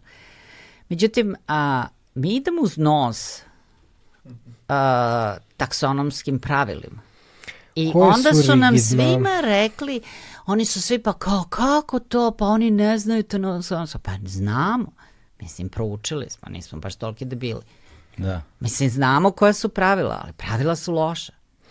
da. I sad ćemo, mislim sad sledeća faza je da ćemo Kris i ja organizovati jednu konferenciju, naravno Peđa će biti tamo isto, ove, koja će da dovede ljude koji imaju različit odnos prema taksonomiji i imaju stavove koji su diametralno suprotni našima i sednemo tri dana i da udaramo po toj taksonomiji, da vidimo kom obojci, kom opanci, pa mislim nešto će konkretno valjda Zato što su iz toga. termini su bitni, ali mi, ja i Mirjana recimo shvatamo te taksonomske termine kao... Način kao, komunikacije. Način komunikacije kao alatku.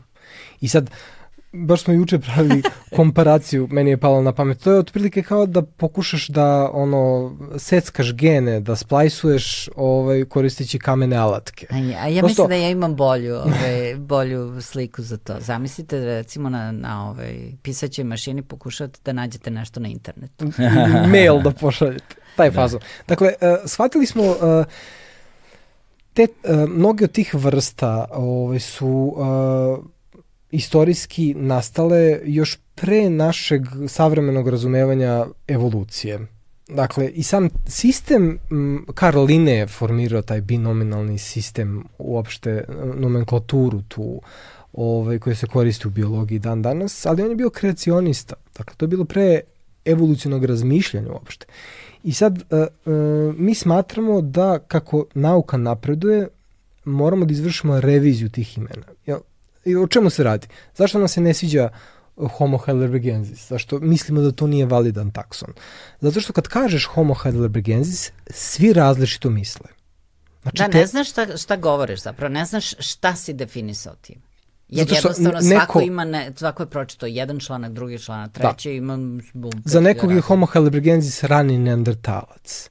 Za nekog je uh, iz istog perioda srednjeg pleistocena, ne neandertalac. Da. O, tako da kad termini loše komuniciraju, treba smisliti novi termin koji bi bio jasno definisan. E, znaš i sam verovatno iz razgovora ono, mm -hmm. na kafanskom nivou, e, koliko često dolazi do besmislene diskusije izgubljenog vremena kada ljudi razgovaraju, a jedan za jednu stvar misli da je jedno, a ovaj drugo. Da ovaj, mi ono što želimo i što smatramo da je u duhu nauke jeste da definišemo nove termine. Čak i ako to znači da prekršimo neka pravila. I gledaj sad ovo, imamo situacije...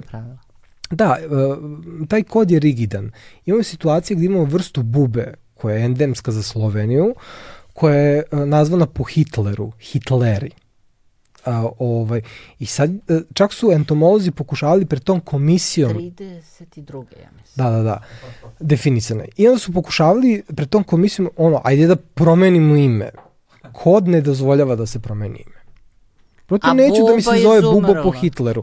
I sad, sad ima, ima čak uh, i ona, kako sam ja došao uopšte do saznanja o toj Hitler bubi. Pa u doba Jugoslavije, uh, ovaj, SFRJ, je uh, štampan, su štampane ma, poštanske markice sa endemskim vrstama sa teritorije Srbije, gde čovečija ribica, sa teritorije Jugoslavije. Jugoslavije, da. I između ostalog i Hitler buba. I onda kad su i štampali videli da piše Hitler i onda su povukli čitavu seriju. I ta markica, filatelisti to znaju, je ono, redka cenjena, je, redka da. baš zbog te... Znači povučena serija, za, znaš, to da... to, Jeste, ovo, tako sam i saznao, ali ima bezbroj e, tih... Morali bismo nekog filatelistu da dovedemo ali ovde. Ali nije samo to, nego da. što ta buba, mislim, sad na pragu izumiranja, zato što i kolekcionari hitlerske memorolabirije, da love. oni to love.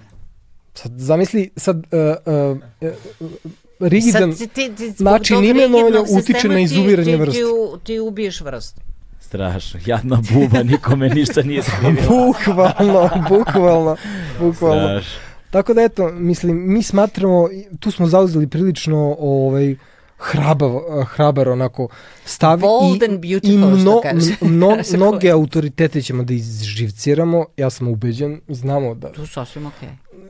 Ali to je sasvim okej, okay. to smo i hteli jedan od glavnih namera tog našeg rada Kakvi ste pankeri, ono. da, imena nove vrste jeste da pokrenemo upravo diskusiju. Da. Zato što ako to ostane u tom nekom limbu, da kao joj žao ti da promeniš, pa to je definisao 1908. određeni lik, pa kako, ko sam ja sad da to menjam? Kako ko si? Mi smo Predrag Radović, Mirjana Roksanić, mi ćemo tu da menjamo, što da ne igramo se. Znači, uh, ovaj, ta, ta, da. ta, ta, ta nauka uh, je uh, Znaš, ono kao što monetarni sistem ne bi trebao da bude sobstveni organizam koji vlada nama, nego su tu pare i monetarni sistem da nama služi, isto tako i ta taksonomija. Da. Znači, ako budemo toliko legalistički ovaj, orijentisani da ne dozvoljavamo te neke određene promene, onda sama disciplina i naše poimanje evolucije ovaj, pati zbog toga, zbog neke znaš, ono, formalističke administrativne fore. Jer nemaš načina da pričaš o nekom fenomenu na način koji svako može da razume. Ako ne. nemaš ime za taj fenomen, koje je lako da. Napred, da ne moram da idem kao kriša oko Kragujevca jedno deset puta pa onda da, da to je to to još jedno potvrđuje ovaj da su oruž, da su da su reči najmoćnije oružje na svetu. yes. Jer oni koji kontroliše reči i njihovo značenje kontroliše ljude koji moraju da ih koriste. Slažem se. Yeah. Između ostalog. Da, I kako homo bodoensis? E, uh, ukratko, hom, homo bodoensis uh, bit će borba, ali mi smatramo pre svega da je homo bodoensis direktni predak modernog čoveka. Ovaj, uh, to je njegov filogenetski značaj. Uh, ovaj, prosto kažem, na pravo mesto, na pravo vreme ima pravu anatomiju da bude da bude. A čekaj, a ovaj, kako ovaj, ime homo bodoensis? Prema fosilu bodo. Dakle, Iz, nema nikakvu... Etiopije. Da, uh, u pitanju je lokalna uh, reka koji sušuje s vremena na vreme na, lokal, na lokalnom jeziku u, to, u, tom, u toj oblasti afar depresiji ovaj, nema nikakve implikacije van toga, dakle... Mm. Ovaj, ne, samo me zanima etimologija, ne znam. Da, prosto, da, da, da, da. vododar. Eponim, bukvalno, ništa drugo. Kao i Heidelbergensis na kraju krajeva. Uh, ali ono zbog čega je meni Heidelbergensis bio bez veze, teško bre izgovoriti. Mogu lakše reći bo, Boensis Dobro, ima, nego ima i, Heidelbergensis. Ono kao lomi se jezik. Da. Ima i težih reči u nauci generalno, naš, posebno inter, da. interdisciplinarno kad govorimo, tako da ne, ali mislim, to. Ne ja, bih ja to naveo kao ključni razlog. Ja i Mirjana u, u pet pokušaja u, kao u tri ubodemo, u dva ne ubodemo, kad kažemo. Ne, kad kažemo još je džene džene, ali treba to otkucati kako valja. To, I to, da, da, da. Da, da, da. Dobro, ovaj, i gde se nalazimo sada sa Homo bodoensisom i, i malo pre si počeo da uh, pominješ, dakle, govorili smo o tim uh, diferencijacijama, dakle da ima dovoljno elemenata po kojem vidimo da se razlikuje i da može da se posmatra kao odvojena kategorija. Da. I to si malo prepočeo pa smo onda skrenuli na problem im, imena ono Homo bodensis uh, da, pro, da, da. protiv rodezije. Pa, uh, on, on, uh, čak jednu stvar samo treba razumeti. U paleoantropologiji i paleontologiji postoji taj običaj koji m, se nama ne dopada, postoji validni razlozi zašto ta praksa nije okej. Okay. To je to oživljavanje starih taksona. Znači, kada je rodezijensis definisan, on je definisan 1921 kad su jedini poznati uh, fosilni hominini bili neandertalac i homo erectus. I uh, ovaj, uh, sve to što je kasnije prikačeno za Homo rhodesiensis i za Homo heidelbergensis koji je 1908. definisan, to je značenje kasnije prikačeno na imena ovaj, tih taksona. A značenja su brojna. Znači mi imamo uh, naš predlog vrste koji je vrlo jasno definisano šta je. Dakle, bez ikakvih dvoumljenja da li može biti ovo ili može biti ono. Dakle, nismo hteli to. Zato što nije bila ideja da, da stvaramo dodatnu pometnju, ovaj, uh, nego naš predlog je, uh, sastoji se iz nekoliko ono bullet points. Jedna od glavnih, a to vidjet ćemo da li će ljudi ukačiti, jeste da mi smatramo da treba prestati da treba da se prekine sa upotrebom termina homo heidelbergensis i homo rhodesiensis. Nikako ne smatramo da homo bodoensis treba da i dalje ostane u upotrebi a da se koriste i heidelbergensis i uh, rhodesiensis. Dakle, ako prihvatiš bodoenzisa, brišemo homo heidelbergensis i rhodesiensis. To je naša ideja. Dakle, ne, ne može da... Ali on ih ne zamenjuje, nego on je određena grupa precizno definisana. Precizno definisana i on ima svoje značenje. Sad mi možemo da kažemo, ok, našli smo sad Homo bodoensisa uh, u Evropi, našli smo ga u Aziji, ali on je originalno afrički fenomen koji se znači proširio u Evropu, u nekom momentu proširio u Aziju. Teorijski. Znači to sad sve treba dokazati. I ono što je isto uh, jako važno u, u celoj priči, uh, u paleoantropologiji postoje običaj, pošto to je vrlo kompetitivna nauka, ono kao oblast, svaki novi... Kao i svaka. Pa ovo posebno. U, ovo je testosteron film. Svaki fosil koji se otkrije je maltene kačeno je novo ime na njega.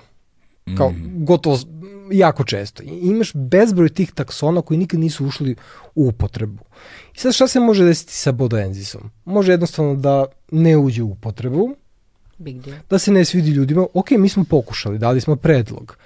Ove, a može i uh, na kraju krajeva uh, sve počiva na, na tome da li termin ulazi u život u naučnoj zajednici.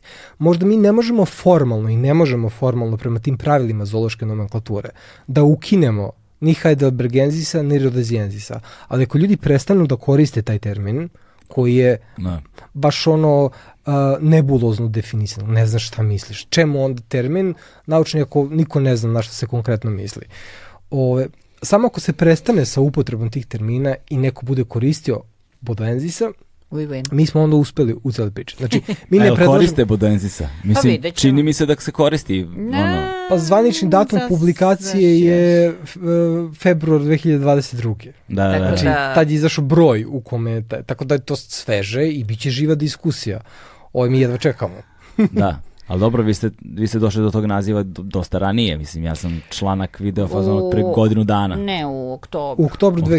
Da, ima mislim, se... ima proces da se da nešto izašlo online i onda posle toga tekst sa... To je ta praksa sada... publikacije. Da, Oni da. često publikuju uh, rad ranije, da. pa tek onda dobije svoj formalni datum i broj u issue, dakle u koji se uključi. Dakle, on mora pravno formalno da bude objavljen. E, oni, pa onda... Ne, oni to vole uh, da, da, da bi što pre izbacili članak, koliko sam ja shvatio. Da, yes. o, jednostavno da imaju što pre. Ali sada ide, mi smo dobili dva odgovora od kolega ove, no. koji su kritike. I sad mi... Zvanične kritike da, da, ili, ono, na, ili ne, na Twitteru ne, napisali? Ne, ne, ne, e, to. to, to smo ignorisali. To, je absurdno, mislim, ja se svađam sa kolegama na Twitteru, mislim, ne pa da mi... Pa dobro, to nije mesto za naučni diskurs, ja smatram. Um, može, ali ako su pristojne, ali mislim, kad neko tako... Kakve ste komentare dobijali? Pa razne, mislim, neki su, ja, konačno mi je jasno šta se dešava u srednjem plestocenu. Dosta mojih kolega rekla, taman sam napravila sva predavanja za, sad moram... za evoluciju, sad moram ponovo.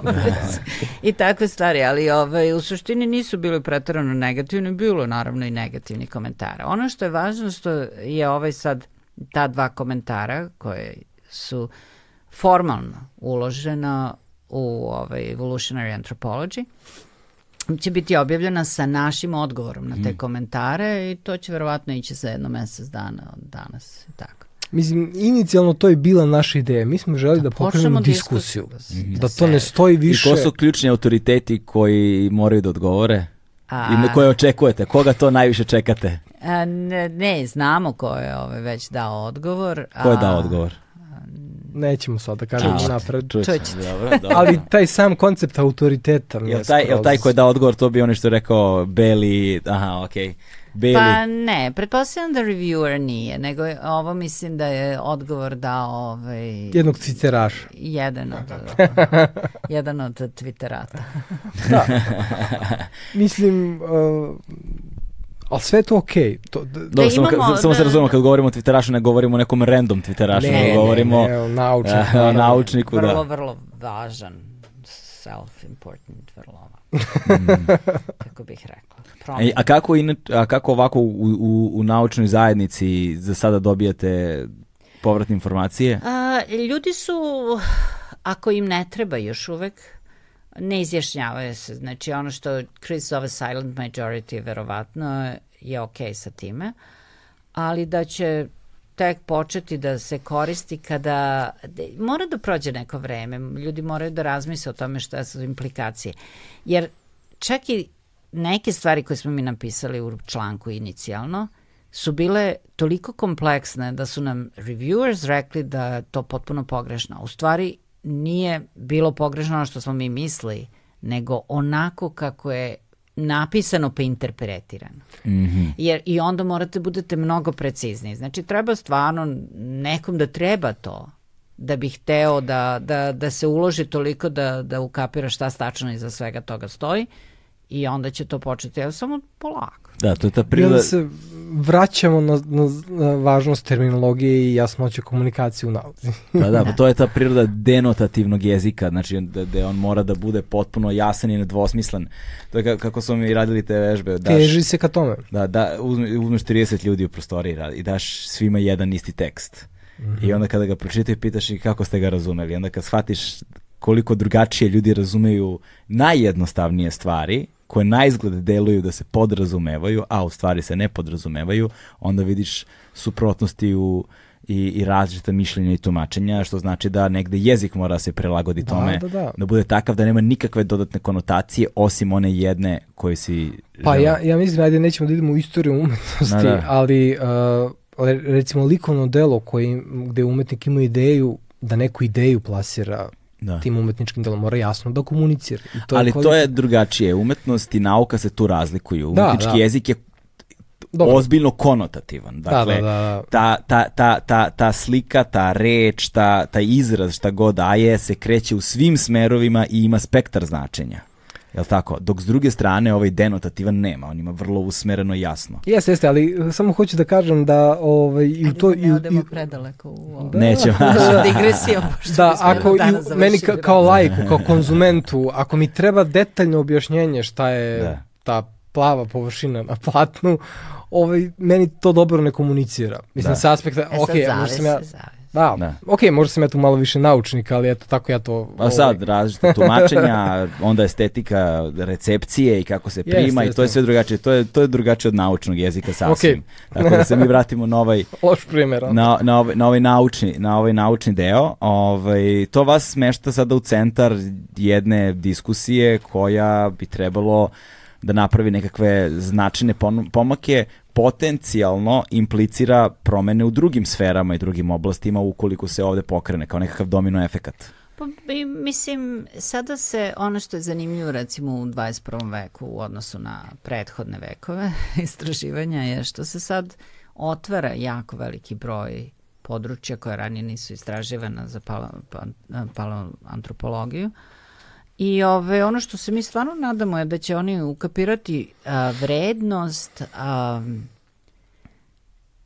zaista nekolonijalne antropologije. Znači, vrednost antropologije koja se bazira na e, bliskoj i intelektualno, kako bih ja to rekla, a, balansiranoj saradnji između lokalnih i stručnjaka iz bilo, bilo dakle. Na kraju, sve ovo je istorija ljudi, mm. mi smo svi Afrikanci, prema tome big deal, nije bitno ko radi. Ali važno je da o, da se taj neki diver, eh, oni pričaju o tom da, da i povećanju diverziteta u nauci i tako dalje. A, to je sad za sad još uvek samo onako jedno mrtvo slovo na papiru, to su one proklamacije ideološke i tako dalje.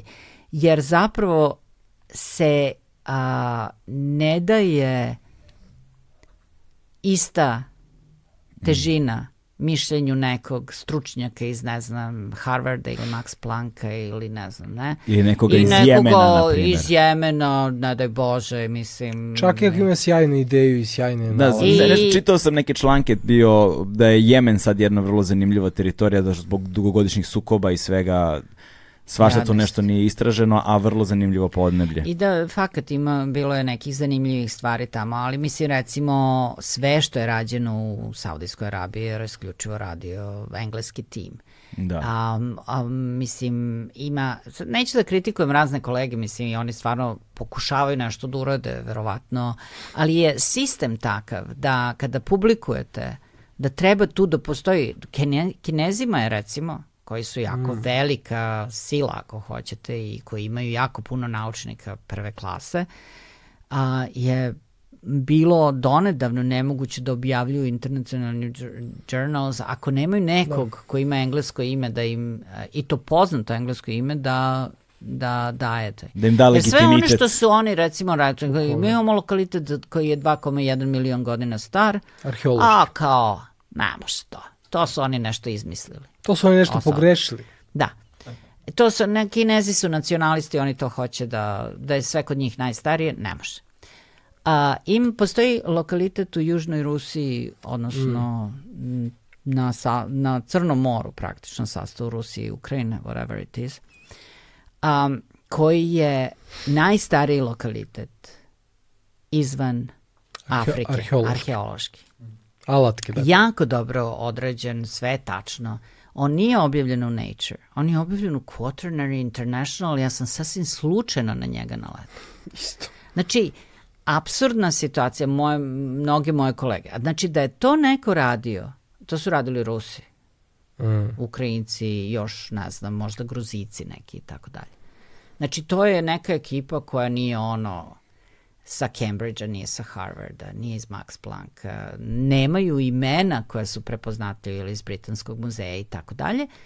I onda oni automatski ne dobiju taj legitimitet ili čak ne pokušavaju, pošto mi smo pokušavali sa par člana kada uđemo u Science i Nature i ono kao za članak koji je stvarno key. Oni kao pa neće to biti, da to je regionalnog interesa za Balkan, nije to od interesa za celu nauku. I takve stvari. Tako da mislim, dok jednostavno u nekom momentu ne probijete tu barijeru i ne počnu stvarno ozbiljno da sma, posmatraju ljude iz Jemena ili iz uh, Sudana Srbije. ili Srbije ili da. ne znam, nije bitno. Mislim da ti ljudi nešto znaju. Kako li je s Egipćanima? Hm? Kako li je sa Egipćanima? Pa oni su se malo izborili da postoje, ali još uvek su, mislim, veliki broj stvari se publikuje m, isključivo u tom nekom, oni, oni imaju već stotine godina kolonijalne arheologije tamo, tako da ove, da. nešto su Čak... možda uspeli da urade zbog toga što su postavili neke mm. svoje ljude da jednostavno svi moraju njih da uključe. Čak i meni čudno, to sam ja primetio ove, čitajući literaturu, jel te, detaljno, kako uh, nekako prava na istraživanje određenih prostora od strane određenih da, da. Uh, naučnika iz određenih Italija. zemalja pripada Berkeley. upravo ljudima čije su to kolonije bile do da, nedavno. Da, da. Što je baš onako ko scary u, u cijeloj priči. Kao... A nije scary, to je logika. To je, Dobro, mislim... jeste, ali kao čovjek bi očekivao da se to kao menja. Da. Ne, da. ne menja se, to se menja samo na papiru. Da. Zato mi moramo mm. da se bijemo da se to promeni. I želim vam svu sreću u tome. Da, da. Hvala. I samo sam, samo sam hteo još jednu stvar za kraj koja mi, koja mi je ostala nejasna, a to je, nije mi baš jasna razlika između uh, ovog Heidelbergensisa i uh, Rhodesiensisa tog, uh, mislim, pošto, a, pošto ukoliko bude, okay. ukoliko bude taj homobodoensis i ukoliko ova dva treba da se izbrišu, to znači da su ova dva ista? Ne. Ne, ha Heidelbergensis treba da se izbriše zato što to neandertalac. Znači, zato što je nejasan koliko sam ne, razumeo u tumačenju. Uh, I to. Taj, da, to ime nema, nema potrebe za tim imenom zato što su svi ti primerci pripadaju homo neandertalensisu. Ok.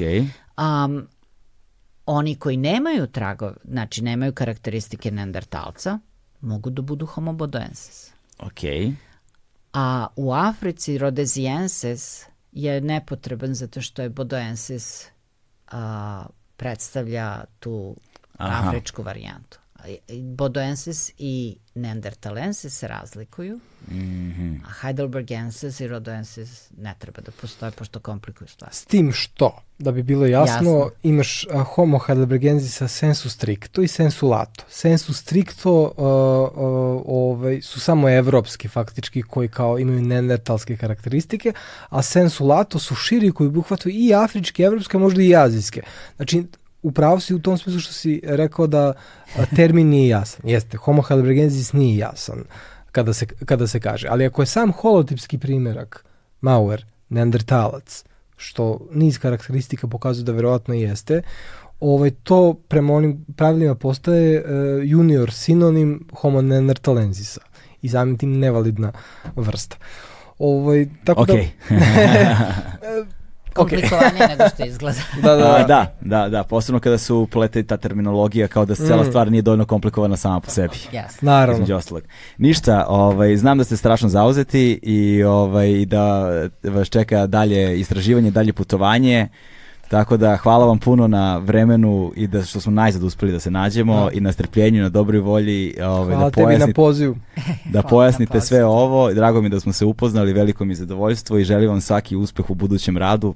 Pre svega sa Homo bodoensisom čekamo reakcije na njega. da. I pravda za neandertalca. I pravda za neandertalca. to je to. Hvala puno. Doviđenja. Zdravo. Ćao.